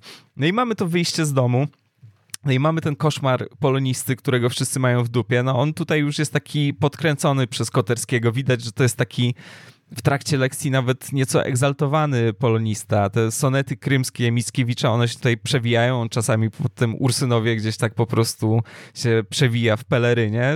Y, mówię tutaj o Miałczyńskim, te takie powiedzmy dosyć senne przebitki, no ale on też wykłada, opowiada o tym uczniom, którzy mają to kompletnie w dupie jakiegoś tam Mickiewicza, a ten tam się po prostu zagrywa. Ktoś tam puszcza bąki i ta jedna dziewczyna, która była na nim skupiona, grana przez Annę Powierze, y, która grała jego córkę w ogóle w nic śmiesznego, więc tu też jest jakaś taka powtóreczka. No ona się mu przygląda dlatego, że on sobie wcześniej rozjebał łeb o skrzynkę pocztową. Tak. Ona w ogóle nie jest zainteresowana żadnymi po prostu tatarskimi stepami, ma to, ma to kompletnie, kompletnie gdzieś, więc no tak kolejne jakieś etapy po prostu tego, tego dnia czy życia, no one przebiegają podobnie. No nikt się nim tak naprawdę nie interesuje, nikt nie jest do końca zainteresowany tym, co mu dolega. No i jest ta piękna scena y, rozmowy z matką, to znaczy odwiedziny u matki. Mhm. Wcześniej też jest choreografia autobusowa, tak, że ci ludzie się przesiadają, że tu przy oknie i tak dalej, i jemu też się to udziela. Czy ty to widziałeś, kiedyś widziałeś na żywo? Bo to jest coś, czego ja nigdy nie łapałem. W sensie nie widziałem nigdy tego, że ludzie tak robią. Ja to, wiesz co, pamiętam z pociągów z tych czasów przedmiejscówkowych, nie? -hmm. że mhm. totalnie tak jest. Jeśli chodzi o autobusy, to troszkę jest tak, że jak dasz radę usadzić tyłek, to sadzasz, nie? Tak. W większych miastach przynajmniej, gdzie one są niestety niepotrzebnie zatłoczone, bo jest ich za mało czy coś tam. Mm -hmm. Więc tak, no ale to jest jakaś taka kolejna po prostu rzecz, kolejny kamyczek. No i tak, i dojeżdża w końcu do tej matki, którą gra Janina Traczykówna i tak, no mówiliśmy wcześniej o tym, że niektórzy lepiej czują tę frazę, niektórzy gorzej, no ona czuje, czuje niesamowicie, nie? Tak. Ona jest właściwie wydrążona. On też zwraca uwagę, no znaczy postać Miałczyńskiego zwraca uwagę na to, że w sumie jej tam już nie ma za mhm. bardzo, nie? Tak, że kiedyś to się wykłócało o wszystko, a teraz on jej coś tam odburknął i ona, wiesz, jakby ustępuje czy coś w tym guście, ale wali jakieś takie po prostu automatyczne rzeczy, nie? Więc tutaj to, to pisanie się super, super sprawdza. No i jeszcze to wszystko potęguje, nie? No mhm. bo jeżeli nie matka, no to kurwa kto tak naprawdę zostaje, nie? Tak, tak. Ona jest fantastyczna absolutnie, Traczykówna, nie? Zresztą ona potem powtórzy tę rolę we Wszyscy jesteśmy Chrystusami, tak? I nie, nie dziwię się, że Koterski tak. się do niej przyklei, bo jak powiedziałeś, no ona czuje fantastycznie to, w jaki sposób on pisze i w jaki sposób interpretować ten tekst. Ona jest trochę jak taki, e, albo jak taki droid protokolarny z Gwiezdnych Wojen, który tam po prostu mówi coś bardzo mechanicznie, albo jak źle zanimowany i trochę źle zagrany NPC z jakiejś takiej tak. starej gry RPG, takiej 3D, nie? Że jakieś takie rzuca jakimiś takimi zdaniami, które, które w ogóle do siebie nie pasują i to wszystko, co mówi, to jest jakaś trochę magma, że ty nie wiesz, czy ona mówi o, o, o życiu e, uczuciowym, czy, czy, czy o kondycji psychicznej swojego syna, czy mówi o jakiejś zupie, którą trzeba dosolić. Fantastyczne jest też, ona się później jeszcze pojawi w takim kapitalnym obrazku, świetnie przemyślanym, że tam matka z zupą idzie przez, przez plażę po prostu i, i mhm. chce podać synowi. E, jest to piękny obraz w ogóle, nie? No on jest tak absurdalny e, w tej, tej swojej w ogóle prostocie, nie? Że, że, że no, Koterski ma rzeczywiście rękę do takich rzeczy i to będzie jeszcze udowadniał również później, również, e, również po, po Dniu Świra. Traczykówna zmarła niedawno niestety i, i też od dłuższego czasu trwała ta, jej emerytura, powiedzmy, od, od grania, grania w filmie. No i tak, no i mamy też Zofię Merle, która e, gra babę z pieskiem. To jest w ogóle niesamowite, że tacy znani aktorzy po prostu zgadzali się na to, żeby, żeby grać jakieś takie naprawdę no, miniaturki zupełne. No, jakby, no może Zofia Merle to nie jest ten, ten pierwszy szereg, no ale to jest bardzo znana aktorka, tak, i pojawia się w filmie na kilkadziesiąt sekund, ale na przykład Cezary Pazura, który tam po prostu jest po to tylko, żeby wypowiedzieć trzy słowa, no jest to, jest to um, dość, e, dość niezwykłe, że, że Koterski miał jeszcze przed Dniem Świra taką moc, żeby przekonywać aktorów, żeby grali, um, grali takie takie, drobne rzeczy. E, no i tutaj w tej, w tej scenie windowej jakoś tam, która nie jest najlepszą sceną windową moim zdaniem w, w historii filmów Koterskiego, są takie dwie sceny windowe w nic śmiesznego, które, które, które zdecydowanie tutaj moim zdaniem przebijają tę, e, no ale tam się już ujawnia jakaś taka pewna niechęć e, Miałczyńskiego albo do psów, albo do właścicieli psów, albo i do właścicieli i do psów, tak, znaczy on niespecjalnie sobie ceni, prawda, obecność czworonogów. No i mamy scenę, y, w której on dojeżdża w końcu tą windą do, do, do mieszkania swojej żony i, i, byłej żony i swojego syna. E, jest to scena absolutnie ikoniczna. No, mówiliśmy o tym, że oni tam się sprzeczają, więc tutaj już nie wchodźmy w tę, e, w tę rzecz, ale, ale, ale jest też scena tej, tej nauki angielskiego z, z synem. Angielskiego, którego swoją drogą ten bohater sam nie, jakoś nie jest w stanie przyzwyczaić się, żeby go poznać tak, żeby, żeby to było komunikatywne i Miałczyński narzeka na to w trakcie filmu, no ale też przymusza syna do tego, żeby on tam wkuwał te takie, tam ta odmiana, etc., etc. No tak, tak, ten, e, ten Sylwek, e, czyli Misiek mhm. Koterski, no był to też temat przy okazji premiery i tam w latach tak. późniejszych. Cóż, nawet nie chodzi o to, że jakoś ta kariera w różne sposoby była kontynuowana, niekoniecznie aktorsko, nie? No bo wiadomo, że tam trafił do wojewódzkiego jako taki segment, mhm. brzydko mówiąc, do tego programu. Um, no i co? No mamy tutaj naturszczyka takiego na maksa, takiego jeszcze level up, taki naturszczykowy naturszczyk. No i jest to, jest to dyskusyjne, zawsze to było dyskusyjne, czy, czy to jest dowożone po prostu, czy te kwestie są dowożone, ale no kurde, no ja bym się zgodził z jakimś takim poglądem, że on brzmi jak taki, wiesz, nastoletni, totalny przepalus, nie? No jakby chodziłem z takimi osobami do gimnazjum, no do, w liceum już nie, ale w gimnazjum spoko, nie? To byli moi koledzy. Chciałbym powiedzieć, że koleżanki, ale, ale to, nie, to nieprawda, nie? To jednak ziomki w bluzach klinika, takie przepalone, nie? Więc... Fishbone. Y, fishbone, tak, tak, mas. Więc y, zgadza się to jakoś tam, y, jakoś się to wszystko tutaj wpisuje, nie? To, że tam są mistrzowie aktorstwa obok, no to, to jakoś to przechodzi. Nawet bym powiedział, że momentami to dodaje trochę realizmu tej relacji. To jest mhm. dosyć dziwne, ale gdyby, gdyby to był jakiś taki, wiesz, młody aktor, który ma wystudiowane pozy i on mhm. ja świetnie potrafię zagrać nastolatka, nie? I tak dalej, no to, to, to by aż tak nie, nie grało. No i co? No to przepalenie tutaj przywołane e, nie bez kozery. Ty też mówiłeś, że, że rozmawiałeś o tym w tamtym czasie z bratem, tak? I że twój tak. brat sugerował coś takiego. Tak, tak, bo było tak, że ja, wyszli, wyszli z kina z mamą i właśnie tam jednym z tematów tego filmu było to, że no ten, ten syn reżysera w roli, w roli syna bohatera jest jakby niezupełnie nie działa. No, no, no. Pamiętam, że mój brat też był na tym filmie i powiedział, że no tak z grubsza tak, tak właśnie wygląda, jak ktoś jest bardzo przepalony. No ja miałem wtedy ile tam 14 lat, tak, więc czy tam 15, więc nie za bardzo mogłem to jakoś zweryfikować jeszcze nie miałem przebalonych ziomków wtedy, e, chociaż była, tam działy się różne rzeczy. Natomiast, e, natomiast tak, no, to jest na pewno bardzo wyrazisty, wyrazisty punkt filmu, nie? Tak. Ten, ten bohater. Tak, tak, tak, tak. No i te wątki, tak, te skojarzenia no, są zasadne, no niestety, jeżeli chodzi o, o Michała Koterskiego w tamtym czasie. Jeszcze długo, długo po mhm. Premierze tego filmu, bo już wtedy miał jakiś mocny temat z marihuaną, tam jeszcze do tego dołączą cięższe rzeczy za chwilę. No i co? W pewnym sensie ten angaż do filmu to jest jakaś taka akcja ratunkowa, tak? Koterski mówił o tym, że Misiek mu nieraz tam pomógł, że go tam podniósł na duchu i mówił, że tato, co ty wracaj, wracaj na plan, czy coś w tym guście, a tutaj mamy akurat do czynienia z ojcem, który pomaga swojemu dziecku jakoś się tam ogarnąć, tak, zająć się czymś mhm. przede wszystkim. No i tutaj znowu wywiad rzeka z Miśkiem Koterskim. Mama martwiła się o mnie i poprosiła ojca, żeby czymś mnie zainteresował. Mówiła, zobacz, co się dzieje z tym dzieciakiem, zaraz wyląduje w kryminale. No i ojciec zaproponował mi rolę Sylwusia w Dniu Świra. Do dziś jestem mu za to wdzięczny. W najtrudniejszych momentach życia, w kryzysach, załamaniach, lękach i sytuacjach bez wyjścia, praca jest moją największą wartością.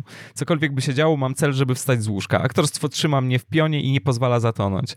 Właśnie Dzień Świra na tym zaważył. Pokochałem kino, granie. Zrozumiałem, że mój ojciec jest wielkim reżyserem, Oczywiście on się wpierniczał w jakieś takie cięższe rzeczy. No jakby to wiadomo, ten wywiad rzeka jest dosyć popularną książką, więc jeżeli kogoś to interesuje, to tam te rozmaite wypadki są jakoś tak mocno, mocno opisane. No tak, no to nie był pierwszy raz y, młodego Koterskiego u starego Koterskiego, jeżeli chodzi mm. o, o plan, bo mamy też I Love You, ale, ale no to jest akurat rola, która została zauważona, nie? To wtedy się faktycznie zrobił temat, że syn reżysera e, grał u starego i czy to faktycznie dobrze wyszło. No to nie jest to aż takie w sumie ważne. Nie, nie rozwala to filmu, mhm. ten jego brak warsztatu, a, a może mu jakoś tam przynajmniej wtedy tymczasowo mm, to wszystko pomogło. Tak. Y, mamy też scenę wyjścia z domu, tak? No oczywiście tam oni się szykują długo, jest słynne robienie dzióbka y, i tak dalej. No i mamy y, pomarańczową kurtkę Lewisa lub Levi'sa. Tutaj bohaterowie jakoś tam spierają się, czy to powinno być tak, czy tak. No a my akurat wiemy, wiemy. z różnych źródeł, tak, prawda, że, że, że można używać, proszę Państwa, tak i tak. To jest oficjalne stanowisko firmy Levi's albo Levis. Nie, to nie jest oficjalne stanowisko, ale, ale, ale zapytaliśmy o to, tak, gdy tylko mieliśmy, mieliśmy okazję. E, no dobrze, oni tam się rozstają, rzeczywiście wspomniałeś o tym, że jest jakaś tam czułość między nimi, przytulają się i, i widać, że, że, że ten syn jest prawdopodobnie ostatnią jakąś taką niteczką, która, która trzyma tego mhm. Adasia Miałczyńskiego przed jakimś kompletnym szaleństwem, przed, nie wiem, gdybyśmy byli w Ameryce, byśmy powiedzieli przed, ma, przed mass shootingiem jakimś, tak, no bo, no bo on już jest kompletnie, kompletnie rozwalony i, i ten syn go trzyma trzyma w ryzach. E, no i mamy następnie całą serię takich, takich e, wydarzeń usynowskich, powiedzmy, tak? Takich scenek, krótkich skeczy. W ogóle ten film jest bardzo sketchowy, tak? I on jest mm. być może tak popularny, dlatego że on jest niezwykle łatwy w tym, żeby po prostu podzielić go na jakieś tam krótkie części i wrzucić fragment na YouTube na przykład, nie? I ludzie bardzo lubią ten fragment, więc będą sobie tam go oglądali. Być może w tym też tkwi jego długowieczność. A przy nie? tym jest y, sporo lepszy niż film Job, czyli Ostatnia Szara Komórka, który jest. też jest rozwiązany, prawda? To też jest jakiś tam być może, być może jakiś powód, dla którego ludzie chcą go oglądać na przykład, a Job, chociaż nie wiem, być może jest jakaś tam grupa fanów Jobu, Joba. E, zapraszamy do słuchania tekstu tę grupę, jeśli ten, bo będziemy tak. być może kiedyś o Jobie mówili. Nie pamiętam, który to był rocznik, ale ale nie zabraknie pewnie jakichś kacwaw kiedyś tam i, i tak, innych weekendów. Jest to, jest to możliwe, no. No i tak, no jest tutaj jest taka seria scen e, z kobietami, nie, chyba nieprzypadkowo akurat, tak? Wiadomo, że te filmy są tam klejone jakoś z różnych e, rzeczy, które napisał Koterski w różnych e, momentach swojego życia, no ale tutaj akurat jest taki segment babowy, tak? Segment kobiecy, który polega na tym, że albo tam mu się jakieś kobiety po prostu w, wpierdzielają z koszykami w nogi, po prostu tak, jest, jest, jest też wspaniała e, scena z e, panią, e, która, którą gra Joanna Kurowska, która wypycha Marka Kondrata, czyli Adasia Miałczyńskiego ze sklepu, jeszcze ciamka mu jakąś krówką nad uchem i tutaj następuje jakaś taka seria wiązanek, które są doskonale losowe, tak, znaczy ciamkający czołg, zwariowany wampir. Marek Koterski jest absolutnie najlepszy, jeśli chodzi o próbę od ekranowego oddania żywej emocji, która tkwi w człowieku, że ty chcesz powiedzieć coś temu człowiekowi, ale akurat masz jakiś taki brain fart, więc oprócz tego, że tam rzeczywiście za co wychodzisz za psa za gówno, no tak. no, to, no to, to właśnie mhm. tutaj jest to, nie, że, że tam ciemkający czołg no jest to coś, co rzeczywiście powiedział być może człowiek w emocjach, a zarazem jest to trochę takie literackie też, więc, więc no uwielbiam to w tych filmach. To są zupełnie są filmy, których, w których jesteś w stanie przewidzieć kolejną kwestię. U Marka Koterskiego praktycznie nigdy nie jesteś w stanie, nie? Tak, tak, tak.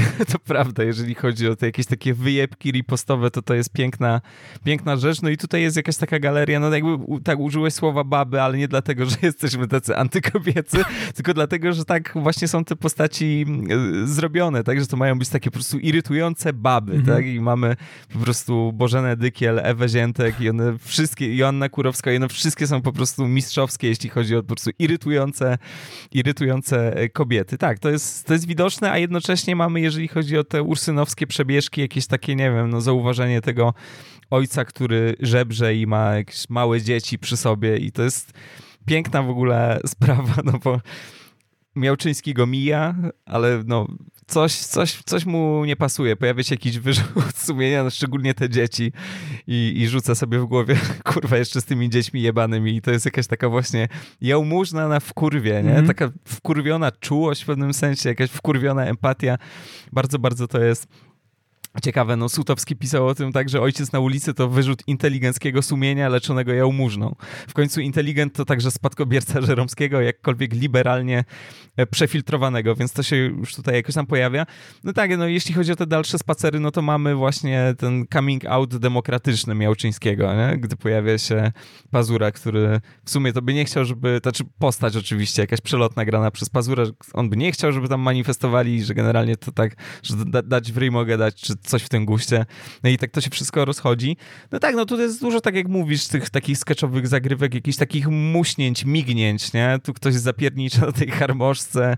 Dużo jest jakichś takich scen, no właśnie podkręconych, bo jednak Koterski gra tym przerysowaniem, tą groteską, czyli te takie jakieś e, trawniczki skrajnie zasrane w ogóle przez psy. Swoją drogą... To nie jest aż tak. Wiesz co, pomyślałem nie? sobie, właśnie, nie, no znaczy wiesz, no, nie, no, to jest usłane gównem, nie? Tam po prostu ktoś pościelił gównem, więc mhm. to jest ewidentnie podkręcone i ja myślałem o tym wczoraj, że kurde, jakaś w ogóle niesamowita sprawa się wydarzyła, jeśli chodzi o polskie społeczeństwo w kontekście sprzątania po psach. Ja wiem, że podczas każdego spaceru można zauważyć kogoś, kto tego nie robi, mhm. ale generalnie jest jakby taka umowa społeczna, że się zwraca zwraca wtedy uwagę. Czasami ktoś odpowie, żeby się pierdolić, a czasami to zrobi, ale coś tam, ale generalnie ja pamiętam, że nie wyglądało to tak jak tutaj, no bo to jest celowo takie plastyczne, tak, że jest bardzo dużo tej masy, masy kałowej. Witamy w podcaście medycznym, ale ale coś pięknego, coś pięknego się, się wydarzyło, ale to bardziej po prostu chodzi o to, że no tak, że to są takie strzały, no jest jakaś linia fabularna, to znaczy mhm. on jest i on jest zmęczony i on chce wyjechać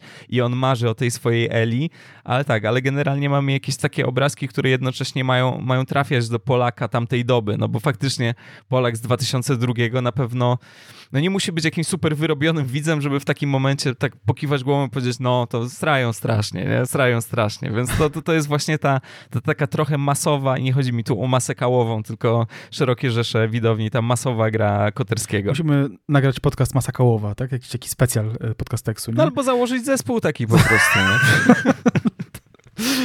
Zakładam, że taki już był. Jak znam y, nazwy punkowych zespołów, które tam, nie wiem, y, istniały przez 21 dni na przykład, to, to wydaje mi się, że coś takiego akurat mogłoby się wydarzyć. Jeśli chodzi o gówno na, na, na, chodnikach, to, to może na chodnikach jest trochę lepiej, ale jak człowiek ma pieska i zejdzie na chwilę na mm. trawkę, prawda, to, to jest to jakiś koszmar. Po prostu szansa na to, że w coś wdepniesz jest jakieś 40%, bym tak, tak obstawiał. To że spadło to jest... z 65, tak No być może, być może. E, tak, to w pociągach są takie, te, takie liczniki procentowe, że tam E, tam kałowe coś tam, tak? Więc e, temperatura kału i, i zakałowienie Nieważne. Ciekawe, jak YouTube reaguje na słowo kał. Dowiemy się niedługo, jak będziemy uploadowali. Zobaczymy, jaki pieniążek będzie. Tak, tak, tak. No, y, y, mamy tutaj y, też scenę, w której, w której Miałczyński czyta, czyta sobie tam nekrologii i, i, zaczyna sobie się zastanawiać właśnie nad tym, że co, co by się stało, gdyby, gdyby umarł i nie zostawił nic synowi. I to jest taka krótka przebitka, ona jest zapomniana bardzo. Ona jest być może za krótka trochę, żeby, mhm. żeby jakoś tak wybrzmieć, ale jest krótka przebitka z terapeutą, do którego chodzi E, czy psychiatrą albo terapeutą, tak? Raczej psychiatrą, nie? Bo on tam wypisuje mu leki. On, e, Małczyński te leki też bierze, to jest istotne w ogóle, tam relanium bierze między innymi i tak dalej. Mhm. E, I, i, i ten Machalica, który, który ma jakąś taką, taką brodę po prostu, taką dziwaczną, tak? Taką, taką kozią. On mówi takie jedno zdanie, dziecko trzeba nauczyć pływać, a pan mu chce zostawiać koło ratunkowe. I to jest coś, o czym często zapomina się u Kosterskiego, że mam takie wrażenie, że Koterski nie jest największym fanem kapitalizmu. Tak?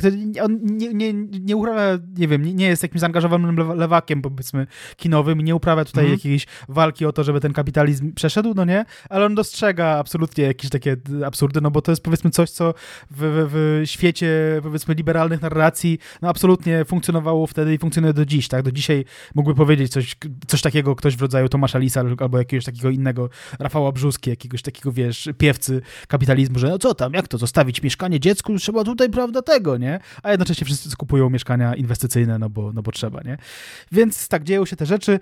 E, no i pojawia się też Ela, e, o, której, o, której bohater będzie mm, e, fantazjował pod koniec filmu. Ela, która no jest fantazją o kobiecie idealnej, tak? Powiedzmy takiej partnerce idealnej, która nie tylko jest dopasowana charakterologicznie, to jest za mało wciąż dla, dla, dla, dla Miałczyńskiego, tak? Znaczy dlatego Miałczyński zamyka się w tej, w tej swojej samotności, no bo on nie jest w stanie znaleźć takiej kobiety, bo nie ma takiej osoby, która w, wiecznie będzie ci przytakiwała na twoje błyskotliwe uwagi, tak? I, i, I, nigdy cię nie będzie poprawiała, tak? I będzie ci wierna i tak dalej, i tak dalej, i będzie jednocześnie kochanką i, e, i, i, i prawda, kuchmistrzynią, tak? I tak dalej. No tutaj e, jest to absolutna fa fantazja i, i, i e, ta postać Eli jest, e, jest takim powodem, powiedzmy, przyczyną, dla którego Miałczyński, no, albo może nie jest powodem, tylko bardziej, powiedzmy, jest oznaką tego, że Miałczyński nigdy nie znajdzie ukojenia dla siebie, tak? Że on się nigdy się nie uspokoi, tak? Znaczy on oczekuje od świata, że będzie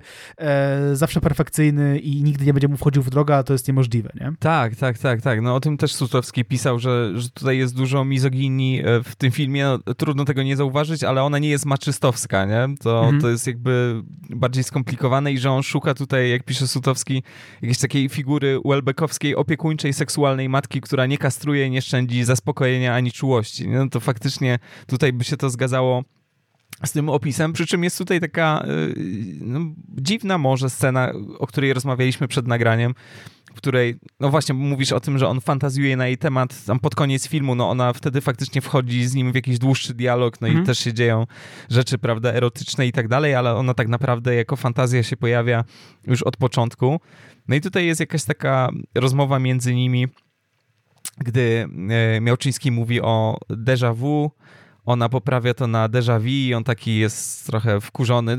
Dobra, to déjà vu. I mieliśmy rozkminę w ogóle, co, co z tym słowem zrobić. Mm. Nie jesteśmy filologami romańskimi, ale z jednej strony można to czytać tak, że ona go poprawia i on się wkurza po prostu, że ktoś go, polonistę, tak, filologa, że ktoś, ktoś go poprawia. Z drugiej strony wydaje mi się, że ta jego wymowa jest bliższa temu, jak się powinno to słowo wypowiadać. To znaczy mówię o tym drugim mhm. słowie, że to jest bardziej déjà vu, ale no to takie wznoszące, powiedzmy, francuskie, nie? A, nie? a właśnie nie takie, jak my mówimy zawsze, że wi, tak? Tak jak życie, bo to chodzi o raz już zobaczone. Jeżeli jest filolog y, romański albo filolożka romańska na sali, nieczęsto się zadaje takie pytania. Ja jestem też filologiem z wykształcenia i nieczęsto ktoś o mnie pyta w środkach transportu publicznego, więc jeżeli ktoś jest, to może nam pomoże rozwikłać tę zagadkę, bo jeżeli ona go poprawia z dobrej formy na złą, no to ta jego irytacja może wynikać z tego, że kurde, no nie, ta moja fantazja tak naprawdę jest no, mhm. zanadto idealna, że ona jednak też ma jakieś luki w wykształceniu i znowu ja jestem ten biedny inteligent po prostu pozostawiony sam sobie. No ale to jest, to jest oczywiście taka językowa zagwozdka do rozwikłania. Natomiast mówiliśmy o psach, które defekują, więc wracając do defekacji. Wszystkie psy idą do nieba i defekują. Wszystkie psy idą do nieba. Piękny film familijny i tutaj też Koterski podejmuje te wątki. Naturalnie wspominaliśmy o tych trawnikach upstrzonych y, i Bożena Dykiel, której nazwisko też tutaj już padło, no ona gdzieś tam pod balkonem e, głównego bohatera się pojawia z tym psem, który robi to, na co pies ma ochotę w tamtym momencie. Piesek sobie, mówiąc nieładnie, sra. Miałczyński postanawia się zrewanżować i robi coś podobnego pod balkonem tej sąsiadki. No wiadomo, tam nie ma jakichś szczegółów, on jest tam za jakimś krzaczkiem, czy tam za, za, za liśćmi w tamtym momencie, ale okazało się, że ta scena była jakąś tam, mógłbym powiedzieć, kością niezgody, mógłbym powiedzieć inaczej. W każdym razie była problematyczna dla niektórych aktorów, no bo generalnie powiem teraz banał, że no nie wyobrażamy sobie, żeby ktoś inny się pojawił w tej roli. To musiał być Marek Kondrat, wybitna mm. kreacja. No i tak, okej, okay, faktycznie tak jest. Natomiast jak czytamy w książce Pierwsze życie Marka Kondrata, Juliusz Machulski w rozmowie z Jackiem Wakarem powiedział takie słowa. Machulski jest tutaj współproducentem, tak? To o tym chyba nie wspominaliśmy, ale mm. tak to jest właśnie. W przypadku obsadzenia Marka w Dniu Świra pierwszym strzałem Koterskiego był właśnie Pazura. W studiu Zebra przekonywaliśmy go, że Czarek jest za młody, że to będzie pomyłka obsadowa, że to musi być inteligent, który już ma trochę życia za sobą. Taki Marek Kondrat. Koterski nie chciał się zgodzić, na szczęście Pazura odmówił. Gdyby Pazura nie odmówił, mielibyśmy zupełnie inny film i obawiam się, że mniej kultowy. A dlaczego właściwie Pazura odmówił? Mówił, pyta Wakar. Była tam scena, kiedy bohater robi kupę pod oknem jak pies. Czarek miał córkę w wieku szkolnym i uznał, że ona nie może zobaczyć taty w takiej sytuacji. Całe szczęście, że tak uznał. Wtedy natychmiast wróciła moja propozycja numer jeden. Marek Kondrat, no i wujek Czarek na swoim kanale YouTube'owym no, mówił o tym, że, no, że żałuje, tak, no, nie mógł przewidzieć, że to będzie aż tak wielki sukces. No ale właśnie, tutaj pojawia się pytanie, tak? Jako, że trzynasty posterunek był już grany, był już wtedy na bębnie chwilę, to, to, to mogła. Ale stranie pod balkonem to było tłumacz. Ale możliwe, że to był początek tej takiej transformacji mm, Cezarego tak. Pazury, nie? W takiego pana poważnego, konserwatywnego w gruncie rzeczy i, i rodzinnego. No, no dobrze się stało tak naprawdę. I tu, tu, I tu jego, przepraszam, y, jego lub jego agenta, agentkę, y, no zawiodła intuicja, nie? No bo tak. być może on tak zrozumiał ten scenariusz, że to będzie znowu jakieś wygłupy stranie pod oknem, a to zupełnie tak nie było, nie? On się skupił na tej scenie niepotrzebnie. Tak, tak, tak, tak, tak, tak. No tutaj szerszy obraz jednak e, no, tro, troszkę to umiejscawia, to, to stranie pod balkonem. Bo Bartek, stranie pod balkonem zawsze musi być umieszczone w kontekście. Znaczy ja Takie... robię bez kontekstu często, Aha. ale... Okej, okay, każdy... Są różne szkoły, wiadomo. Pod balkonem Bożeny Dykiel. Falenicka i Otwocka, tak, tylko pod balkonem Bożeny Dykiel. E, tak czy siak, był też inny pomysł, jeżeli chodzi tutaj o obsadzenie głównego bohatera, bo jak wynika z tego wywiadu rzeki Miśka Koterskiego, no Bogusław Linda był też brany pod uwagę. No Linda się pojawia choćby w porno, gdzie jest tym starszym bratem, który tam służy dobrą radą odnośnie tego, tak, jak to zrobić. Tak, to są jakieś takie chyba dwie krótkie sceny, czy coś w tym guście, czy trzy, ale, ale to jest dobrze, dobrze dowiezione. No i Bata Nowicka w wywiadzie Rzece z Miśkiem e, zagaduje. W pierwszej wersji Dnia Świra Adasia Miałczyńskiego miał zagrać Bogusław Linda i Misiek mówi, ale odmówił. Przeczytał scenariusz, zadzwonił i powiedział szczerze, Marek, to jest świetne, ale ja się w tym nie widzę. Ja po prostu wiem, że u ciebie będę musiał upuścić krwi, że ty wyciągniesz ze mnie wszystkie soki, a to nie jest ten moment. No i w końcu, tak, w końcu Marek Kondrat Machulski twierdził, że to jest jego idea, mm, a Misiek Koterski też odnosił się do tego w wywiadzie rzece. Miałczyński zawsze spływał na niego w ostatnim momencie. Spływał na niego, chodzi tutaj o, o Marka Koterskiego. Nie mam Miałczyńskiego, nie mam Miałczyńskiego. Tak było z Cezarym Pazurą w Nic Śmiesznego i tak było przy Dniu Świra. Kiedy Boguś Linda odmówił, ojciec spanikował. Któregoś dnia po długiej przerwie zobaczył Marka Kondrata, który był akurat po wypadku samochodowym. Miał szramy, twarz mu się zmieniła, stała się bardziej męska. Ojciec opowiadał mi później. Paradoksalnie po tym wypadku jego twarz nabrała głębi wyrazu. Dostał gęby z charakterem. Nagle zobaczyłem w nim Adasia. Boguś Linda, który znał scenariusz, dokuczał Markowi. Dzwonił i pytał, strałeś już pod tym oknem, czy dopiero będziesz strał? Wszyscy się z niego nabijali, a on był przerażony. To wspaniale, nie? że Kondrat nie dość, że przeżywał te katusze na planie momentami z tym po prostu szalonym Markiem Koterskim, to jeszcze koledzy go cisną, a nie wiesz, co się wydarzy tak naprawdę z tym tak. filmem później. Nie? Kto się śmiał ostatni, proszę bardzo, wiemy. Tak, tak, tak do tej sytuacji z, ze straniem pod oknem też yy, odnosił się Andrzej Grabowski. Yy, to jest taki ciąg dalszy tej jego opowieści o castingu z książki Jestem jak motyl. E, już po castingu to się dzieje. Kiedy wyszliśmy z Kondratem na papierosa, spytałem, jak on będzie to grał. Przecież tam są sceny, w których onanizujesz się do gazety, podcierasz się siedem razy na sedesie albo załatwiasz się pod drzewem. Jak pies. A Mareczek w dobrym nastroju beztrosko odpowiedział, no co ty Andrzej, to tylko scenariusz jest. Koniec cytatu. No to jest dziwaczna naiwność Marka Kondrata, biorąc pod uwagę to, że już pracował kiedyś z Kotelskim i znał pewnie te wszystkie historie aktorów e, z jego planów późniejszych, no ale dobra, no. Le lecimy dalej z tą, z tą opowieścią e, Andrzeja Grabowskiego, tym razem z książki e, Pierwsze życie Marka Kondrata, to jest właśnie z wywiadu z Grabowskim. E, I opowiada tak. E, jedziemy busem na zdjęcia, Koterski, Marek i ja i Kondrat mówi do Koterskiego, przepraszam za wulgaryzmy, będę cytował. Marek, przewaliliśmy już wszystko, budżet, liczbę dni. Mam pomysł. Wypierdalamy scenę, gdy sram pod oknem. Koterski na to, przepraszam cię Mareczku, co wypierdalamy? Scenę, gdzie sram pod oknem.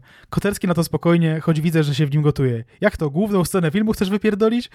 No i tak, no właśnie było, scena została, Koterski absolutnie nie, biorąc pod uwagę ten rys, powiedzmy, charakterologiczny, który tutaj zarysowaliśmy, ten rys, prawda, mówiąc po polsku bardzo dobrze, e, e, no nie było opcji w ogóle, żeby prze, przekonać Marka Koterskiego do tego, żeby cokolwiek z tego filmu usunąć, zwłaszcza tak istotną scenę i tak zabawną w sumie tak naprawdę. Znaczy, to jest taki, to jest scena, która daje shock value w ogóle w tej, w tej części filmu, bardzo potrzebne w ogóle moim zdaniem. On jest generalnie szokujący i taki bardzo przekraczający, tak, natomiast ta scena jest wyjątkowo przekraczająca, no bo się okazuje, że Adaś Miałczyński no jest skłonny do jakiegoś aktu, powiedzmy, w ramach tej, tej, tej swojej niezgodnej rzeczywistość, ale wtedy będzie dosłownie akt pod tytułem idę pod dom Bożeny Dykiel e, i, i stawiam jej kloca pod oknem, bądź jest to fantazja, tak, na, na, na, temat tego aktu, to też jest możliwe, tak, jest ileś takich momentów w tym filmie, które e, absolutnie wskazują na to, że, że, że on fantazjuje o jakichś aktach przemocy czy aktach niezgody e, i być może to jest, to jest taka scena, nie wiadomo, tak, to, to, to nie jest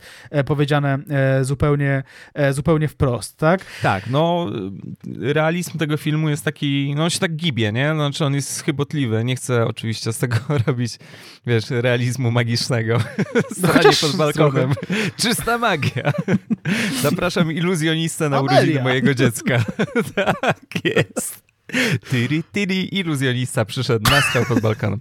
E, dziecko szczęśliwe to najważniejsze. Szóste urodziny, wtedy się lubi takie żarty. E, potem też ale tak, to jest, to jest niejasne. Wspominaliśmy o tym kopaniu psów. Jesteśmy zdecydowanie anty kopanie psów. Tutaj mogę bez wahania powiedzieć za nas obu. Natomiast no też nie do końca wiadomo, gdy ten Miałczyński się tak wkurwia i tego jakiegoś chyba jamnika długowłosego, już nie pamiętam, e, tam kopie, no to, to nie jesteśmy pewni czy to nie jest jak w tych opowiadaniach, wiesz, z podstawówki, że na szczęście okazało się, że to był tylko zły sen, nie? No tutaj też chcielibyśmy tak myśleć. Tych scen, jakichś takich fantazji będzie więcej oczywiście e, na plaży, ale to na plaży trzeba najpierw dojechać. No i mamy jeszcze w tym filmie e, kilka, no już takich klasycznych, no to, to są takie klasyczki, te sceny z przedziału, no jak gdy on szuka też te natręctwa y, wychodzą, szuka odpowiedniego miejsca dla siebie, czy przodem, czy tyłem. Matka mówi, że bezpieczniej tyłem, ale co, te wszystkie rzeczy się pojawiają. No, pojawia się Maria Ciunalis i Andrzej Mastalerz e, jako taka skłócona para w płaszczach. To jest doskonałe, oboje, to jest absolutnie Ona doskonałe. Taka kłótnia z dupy. Tak, pojawia się follow-up do psów z tymi kotletami z psa, no bo wchodzi e, grupa zakonnic, które wpierniczają tam jakieś hamburgerki. No i oczywiście tam, nie wiem, no, Ilona Ostrowska, która opowiada koleżankom, zresztą jedną z tych koleżanek jest chyba Katarzyna Zielińska, nie jestem tak, teraz pewien. Nie, tak, jest, tak, nie? Jest e, Katarzyna Zielińska tam jeszcze i tak dalej, no i wiadomo, całuje, całuje, ja też, ja też i to wszystko, to wszystko się tam kręci. E, no i w końcu, w końcu jesteśmy nad morzem, nad morzem, dokładnie w Dębkach, bo tam te plażowe sceny, plażowe sceny to sugeruje, że to będzie jakiś Baywatchowy w ogóle wątek, a one nie są jakieś takie specjalnie wakacyjne, idylliczne.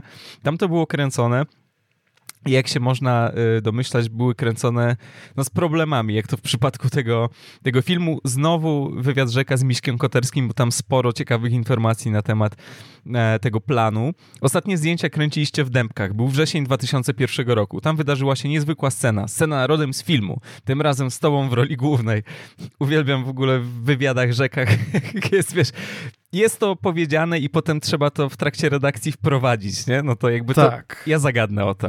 I mi się odpowiada spontanicznie. Wtedy kręciło się na taśmie, która kosztowała majątek. Producenci dostawali piany za dwie rzeczy. Przekraczanie limitu taśmy i przedłużenie dni zdjęciowych. Z wiadomych względów. Dzień zdjęciowy jest najdroższym elementem filmu. Niezależnie od pogody i zrealizowanego planu dnia trzeba zapłacić całej ekipie, zapłacić za sprzęt. Nikogo nie interesuje, że czegoś nie dało się zrobić. Pojechaliśmy do ukochanych Dębek na tę cudowną plażę, gdzie razem z ojcem przez całe moje dzieciństwo jeździliśmy w wakacje, żeby nakręcić najważniejsze sceny. Rano wszyscy wstali na śniadanie, a tu burza, leje. Po południu trochę się przejaśniło, ale ledwo wjechaliśmy na plażę, znowu się rozpadało. Nie dało się nawet zacząć. Ojciec chodził jak zbity pies. Nazajutrz nagrał rano trzy sceny, potem znowu lunął deszcz. Trzeciego dnia cały czas padało, wszyscy zostali w barobusie. Andrzej Grabowski i Marek Kondrat opowiadali kawały, darmowy występ wirtuozów. Ekipa sikała ze śmiechu w gacie. Wieczorem ojciec pokłócił się z producentem, który kazał mu wracać do Warszawy, a zdjęcia nad morzem dokończyć w innym terminie. Ojciec był załamany, bo to były dla niego kluczowe sceny. Zdawał sobie sprawę, że jeśli teraz tego nie zrobi, bardzo trudno będzie mu zebrać ekipę ponownie i wrócić do dębek. To była katastrofa. Ojciec strasznie wszystko przeżywa, wyciska z siebie 300%, chudnie 10 kg i oddaje filmowi swoje życie. Widziałem, jak się wykańcza. Czwartego dnia coś tam nakręcili i znowu zaczęło padać. Konrad dalej opowiadał kawały i w ten sposób trzymał całą ekipę w psychicznych ryzach. I nagle w radiu usłyszeliśmy, że padła pierwsza wieża World Trade Center, a potem druga. Wszystko siadło, kompletna dupa. Szok i przerażenie. Stany imperium, które rządziło światem i było nietykalne, zostały zaatakowane. Każdy pomyślał o tym samym. Wybuchnie trzecia wojna światowa. Na dworze lało, nie dało się wyjść. Wszyscy z tej rozpaczy pili wódę, a mój ojciec, który od pięciu lat był trzeźwy, schował się w pokoju. Zapukałem do niego wieczorem. Siedział na kanapie, walizki miał już spakowane. Michał, to koniec, ja wyjeżdżam. Kompletnie mnie zaskoczył. Zwariowałeś? Uciekasz teraz? Powiedział, że nie wyobraża sobie tego filmu bez scen na plaży. I wtedy się rozpłakał z bezsilności. Ramiona mu drżały, łzy leciały po twarzy. Usiadłem obok niego i mówię, słuchaj Marek, jeśli ty dzisiaj wyjedziesz i nie dokończysz tego filmu, to ja już nigdy w nic nie uwierzę. Musisz tu zostać i zrobić to dla mnie. Nie możesz teraz uciec. Wtedy wszystko było dla mnie proste, łatwe i przyjemne. Nie rozumiałem do końca jego problemów. Przecież dostał pieniądze na produkcję, ruszyła machina, robi zajebisty film, Marek Kondrat gra główną rolę, grają koncertowo, a to, że pada, że walnęło World Trade Center, o co chodzi? Miałem poczucie, że świat realny jest poza mną. Byłem młody i na wszystko miałem wywalone. Liczył się tylko film, plaża i tak dalej. No Koterskiego, jak już wiemy, dało się ostatecznie jakoś namówić na to, żeby nie spierniczał.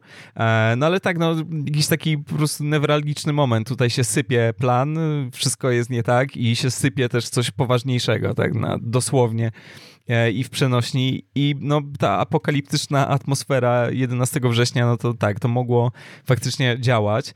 A jeśli chodzi o same wątki plażowe, no to tak, no tutaj dochodzi do jakichś paru kulminacji, nie?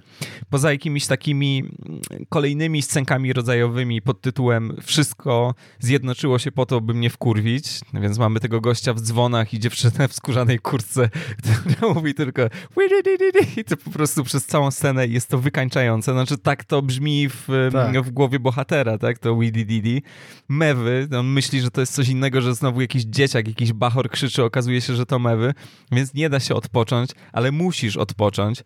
No i ten monolog o umieraniu, tak właściwie fantazja o umieraniu, no to jest mocna, mocna rzecz i tak jak wcześniej wspomniałeś o tym, że ten Sylwuś to jest jedyna osoba, jedyna rzecz, tak to nazwę, która go trzyma jakoś tam w ryzach, tak, która sprawia, że on no, nie dopuści się czegoś nie wiem, okrutnego czy potwornego, to on tutaj mówi wprost, Miałczyński, że no w sumie to popełniłby już samobójstwo, nie? Bo to, bo to nie ma sensu, mm. ale nie zrobi tego tylko i wyłącznie ze względu na syna, tak. I ta matka z, z miską zupy, co jest jednocześnie oznaką jakiejś czułości, na zasadzie matczyna opieka, a z drugiej strony jest to zupełnie niepotrzebne do niczego, mm. nie? To znaczy nie w sensie filmowym, tylko, tylko bohaterowi. Czyli jakiś taki przykład takiej, nie wiem, nadopiekuńczości dziwnej, która jest zupełnie niefunkcjonalna, bezużyteczna. No dzieje się tam parę, parę rzeczy w tych dębkach. Tak, znaczy, no, ja nie przestanę się zachwycać, zachwycać tą rolą e, matki. Znaczy, to, to, tam jest rzeczywiście dużo komedii, ale też dużo właśnie jakiejś takiej czułości pod tytułem e, że, że, że tej osoby już tu w zasadzie, tak jak wspomniałeś, tej osoby już tu nie ma do końca i, i, i trzeba sobie radzić z tym, że, że ona jest bardzo obok życia i już jest zupełnie odklejona. No i tak, no i wracamy na Ursynów, szybkie cięcie, tak jakby widzimy, widzimy bohatera w, w samochodzie, w maluchu, w pomarańczowym trupie, cytując tutaj inny film Koterskiego. E, oraz chyba w Nienawidze też był ten pomarańczowy trup zresztą, tak? Tam się prze, przewinął jako, jako, jako fragment. No i widzimy jeden z highlightów tego filmu, to jest seria reklam telewizyjnych, a później jeszcze programów telewizyjnych, które, które ogląda do kolacji e, protagonista. No i tutaj szczególnie mocno widać moim zdaniem maestrię Koterskiego, no bo już na wysokości mi się wydaje tego 2002 roku, kiedy film powstawał, w 2001 akurat powstawał, jeszcze był kręcony, no to taka rzecz typu parodia reklamy, no to już był żart po prostu stary jak świat, nie? Że, że, że on już tam występował i, i w serialach telewizyjnych, i w innych filmach, i w kabarecikach, nie? Mhm. W Śmiechu Warte był ten taki segment, tak, że tam o, ludzie kręcą własne reklamy i to będą parodie reklam, nie? Więc to już naprawdę jest, wiesz, jest coś starego, a tymczasem okazuje się, że można to zrobić zabawnie i można było to zrobić zabawnie wtedy i to jest zabawne do dziś, tylko jeśli odepnie się wrotki, tak jak Koterski. W sensie, że tylko jeśli nie, nie zatrzymasz się w pół drogi, tylko zrobisz coś naprawdę e, bezkompromisowego i ohydnego, tak? I, i, I, jeśli będzie taki komentarz pod tytułem zobaczcie, zobaczcie rozmiary gówna, które, które, które wylewają po prostu nam na mordy każdego dnia z tej telewizji. No bo, no bo tak, mamy tutaj rzeczy super sprawne językowo, jak nie ryzykuj, żeby twój e, rycerz poczuł na ustach twój łupież. Doskonałe to jest, nie? Mamy pastę do zębów Szkorbudent Total, więc też na, na poziomie po prostu nazw tych produktów, tak? Szkorbudent jest to coś, coś, coś świetnego. Sam żart nie jest nawet jakiś taki wybitny, tak? No mamy po prostu kobietę, która myje zęby i potem wypluwa je do umywalki, no ale, ale Szkorbudent robi, robi robotę. Jest, jest kloaczny i absolutnie prostacki, ale, ale z jakiegoś powodu udany żart pod tytułem Antyprekator. To jest według filmu webu najbardziej znana rola Violetty Kołakowskiej. To jest ta kobieta z reklamy Antyprekatora. Mm może tak być. No. Może tak być, może tak być rzeczywiście. Mhm. No i mamy wreszcie wyciąg z fiuta, od którego zacząłeś ten, ten odcinek. To jest coś, co mi poprostawiało w głowie pewne, pewne rzeczy, dlatego że za każdym razem po prostu od czasu, kiedy zobaczyłem ten film po raz pierwszy i potem go oglądałem jeszcze setki razy, za każdym razem, gdy ktoś pyta, co to za zapach, w obojętnie jakim kontekście, tak, czy po prostu ktoś czuje, że, że coś się rozkłada w kuchni, albo, albo, albo czy ktoś, nie wiem, czuje, że ktoś się spierdział po prostu, e, albo, że ktoś czuje jakieś fajne perfumy, to ja w głowie albo na głos dopowiadam sobie wyciąg z fiuta, nie? To jest coś, od czego nie mogę, nie mogę uciec i pewnie już nigdy nie, nie ucieknę. Dzięki Marku Kotelski, naprawdę dobra robota. Tak, tak. To tam się dzieje w ogóle w tym segmencie telewizyjnym. No i co? No i kończy się ten dzień, dzień świra.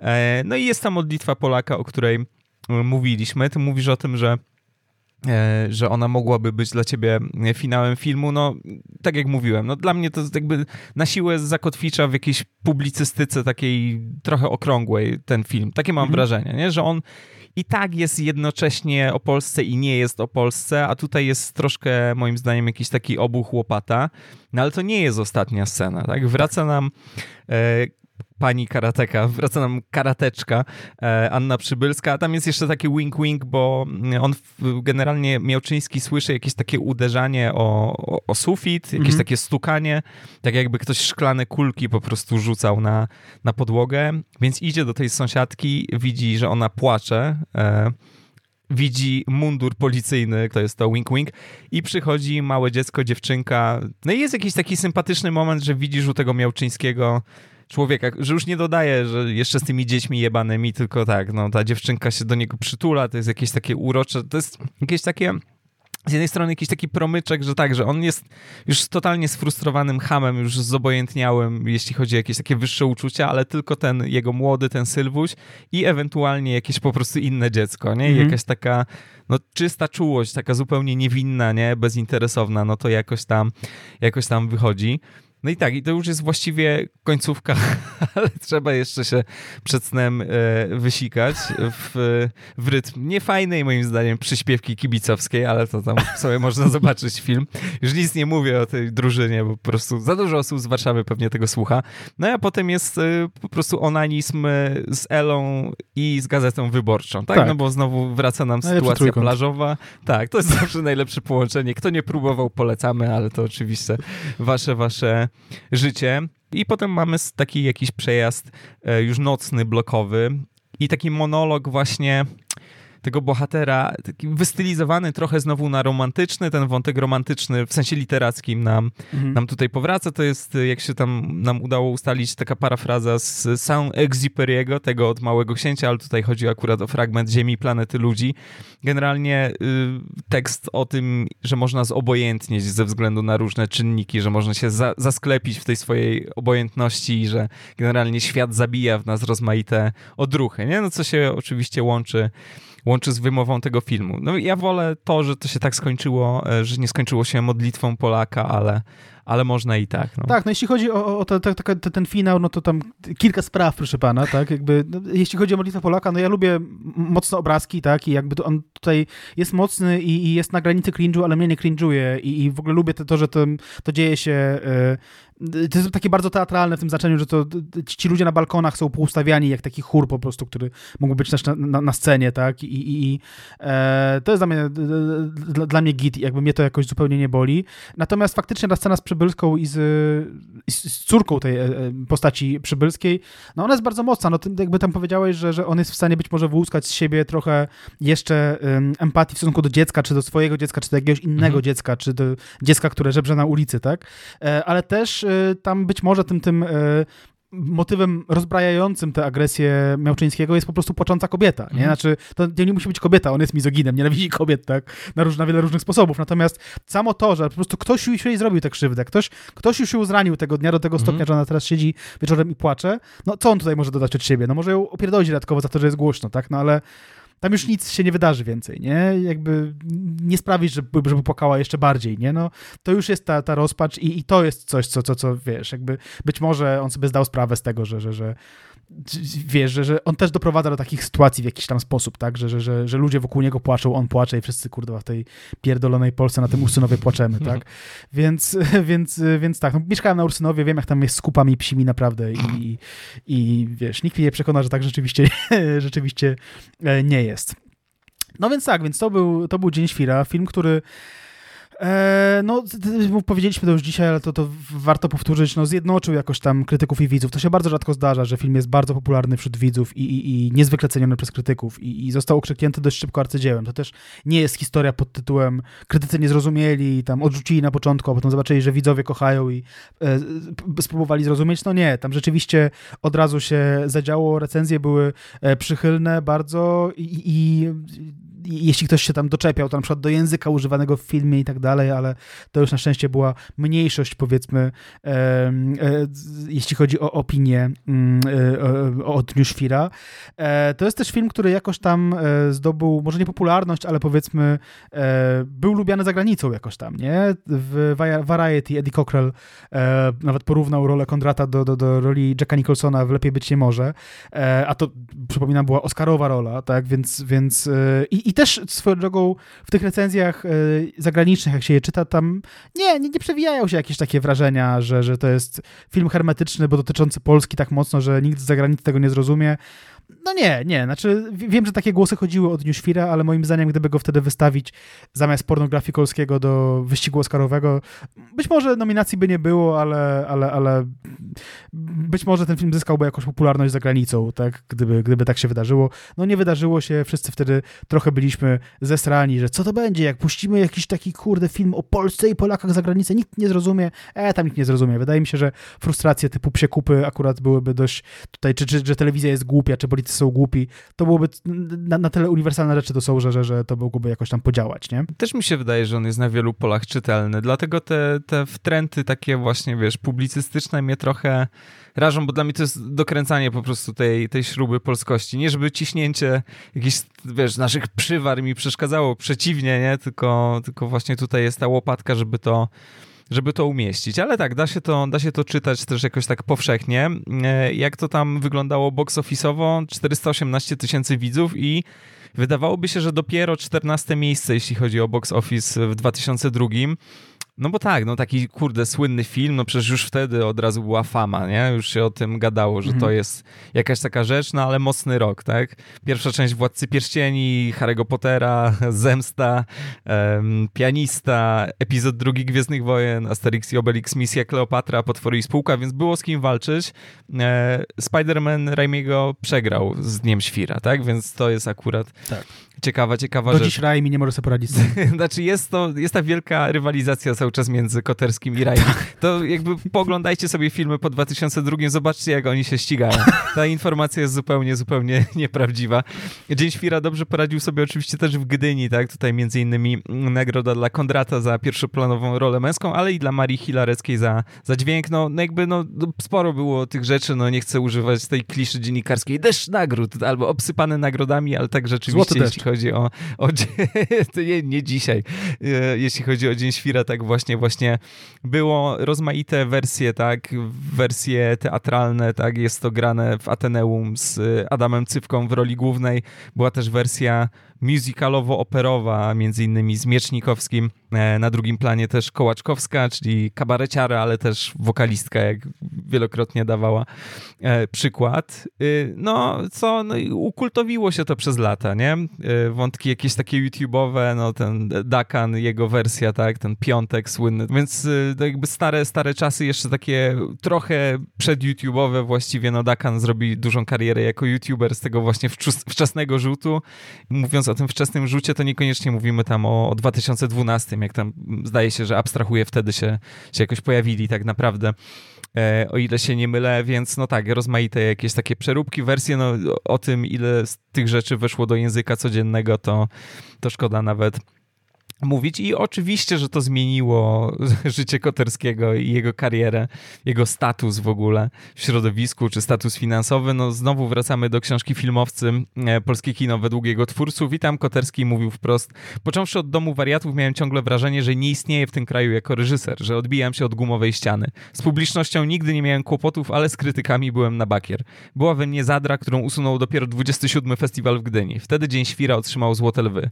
Miało to dla mnie znaczenie przełomowe Cała moja droga zawodowa zaczęła nabierać sensu. Inni, nie tylko ja, zaczęli widzieć w moich filmach logikę i konsekwencje. No tak, no to jest oczywiście też, że tutaj akurat prawo działa wstecznie, że tu nagle wracamy i że ej, wiecie co, przeoczone. Powstało o moich filmach 5 czy 6 prac magisterskich, jedna doktorska, a na uniwersytecie zorganizowano seminarium z kulturoznawstwa pod tytułem Miałczyński jako archetyp bohatera. No i tak to właśnie. W końcu, w końcu, no już wtedy, nie chcę mówić, że leciwy, no ale, bo to takie jest mało, mało eleganckie, ale no już jednak bardzo doświadczony reżyser, nie? który ten koronę założy dopiero, dopiero po takim czasie. E, tak, no to jest ciekawe w ogóle ten, to jego narzekanie na krytyków, no bo było nie było, Dom Wariatów no, uzyskał taki rozgłos dzięki w sumie krytykom, tak, e, początkowo, mm -hmm. więc krytycy na początku doceniali, potem nie doceniali tego skrętu e, Koterskiego może w czystszą komedię, bądź w jakieś tam wątki erotyczne mocno i tak dalej, bo nic śmiesznego też jest mocno rozerotyzowanym filmem, e, no i, no i tak, te lata 90. jakoś tam, w latach 90. mieli, mieli na pieńku, o czym pewnie powiemy sobie więcej w kontekście nie, nic śpiesznego. Natomiast w kontekście też tych relacji pomiędzy mm, e, Koterskim i, i, i krytykami warto tutaj też e, e, zacytować fragment wywiadu Rzeki e, z, z, z Michałem Koterskim, e, w którym e, Misiek opowiada następująco. Do Dnia Świra ojciec według krytyków filmowych robił filmy dziwne, niezrozumiałe, hermetyczne. Dawali mu 3 punkty na 10. Nie potrafili poznać się na jego sztuce. Kiedy zrobił nic śmiesznego, film puszczano tylko w kinach studyjnych. Nie miał więc szans na szerszą publiczność, co na chwilę to jest nieprawda. Ten film miał jakieś 100 tysięcy w ogóle w kinach, więc bez przesady też z drugiej mhm. strony, nie? Ale lećmy dalej. Było to o tyle niepojęte, że wcześniejsze porno obejrzało w dużych kinach milion widzów, co w tamtych czasach było rekordem. Wykosił takie hity jak Batman, Robocop 2 czy Deja Vu, Deja Vu, cholera wie, Juliusza Machulskiego w każdym razie. E, cytuję dalej. E, ojciec strasznie to przeżywał, chodził wkurwiony i rozżalony, pieprzeni krytycy. Pamiętam taką scenę.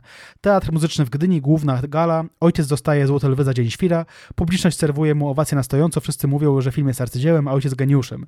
Na korytarzu, gdzie kłębił się tłum gwiazd, do ojca podchodzi znany krytyk filmowy i mówi, panie Marku, od zawsze byłem fanem i wielbicielem pana twórczości, a mojemu ojcu wychodzi żyła, tak? A pamiętasz, kurwa, jak żeś mi dał trzy gwiazdki za I love you? I zaczyna go opierdalać jak burą sukę. No tak, no było ten, ten, ten, ten, dużo tego żalu najwidoczniej, ten żal po prostu puścił już po, e, po, po Dniu Świra i bardzo dobrze, niezależnie od tego, jakie jest moje czy twoje zdanie na temat kolejnych filmów Koterskiego, to, to, to, to jednak cieszę się z tego sukcesu bardzo i, a przy okazji jeśli dostajemy, no w sumie arcydzieło tak naprawdę, trzeba to powiedzieć sobie, tak, autorskiego kina, autorskiej komedii, jaką jest Dzień Świra, to, to, to no kurde, ciężko, trudno się nie cieszyć, prawda? Wszyscy są zadowoleni i, e, i, i, jest to film niezwykle odważny, kurde, niezwykle, powiedziałem kurde, ale to jest po prostu, wiesz, no kurde, no jest to film e, odważny, niezwykle ekspresyjny. E, niezwykle też unikatowy, jeśli chodzi w ogóle o światowe kina. Czy nie wyobrażam sobie tego, żeby na przykład w Stanach Zjednoczonych, w tym systemie producenckim ich mogłoby coś takiego powstać, tak? Wydaje mi się, że gdyby zrobili jakieś, kurde, pokazy testowe dla publiczności testowej e, i, i tam by po prostu się jakiś, kurde, nie wiem, Jack Nicholson choćby podcierał przez kilka minut, to, to, to widzowie by tam wciskali e, guzik, że e, źle się czuję z tą sceną i powinniśmy ją wyrzucić, nie? I wtedy tak. wszedłby Koderskiemu na głowę producent i powiedziałby, że Marek, sorry, ale wypierdalamy, nie? A tak powstało to e, zabałaganione, ale wspaniałe kino.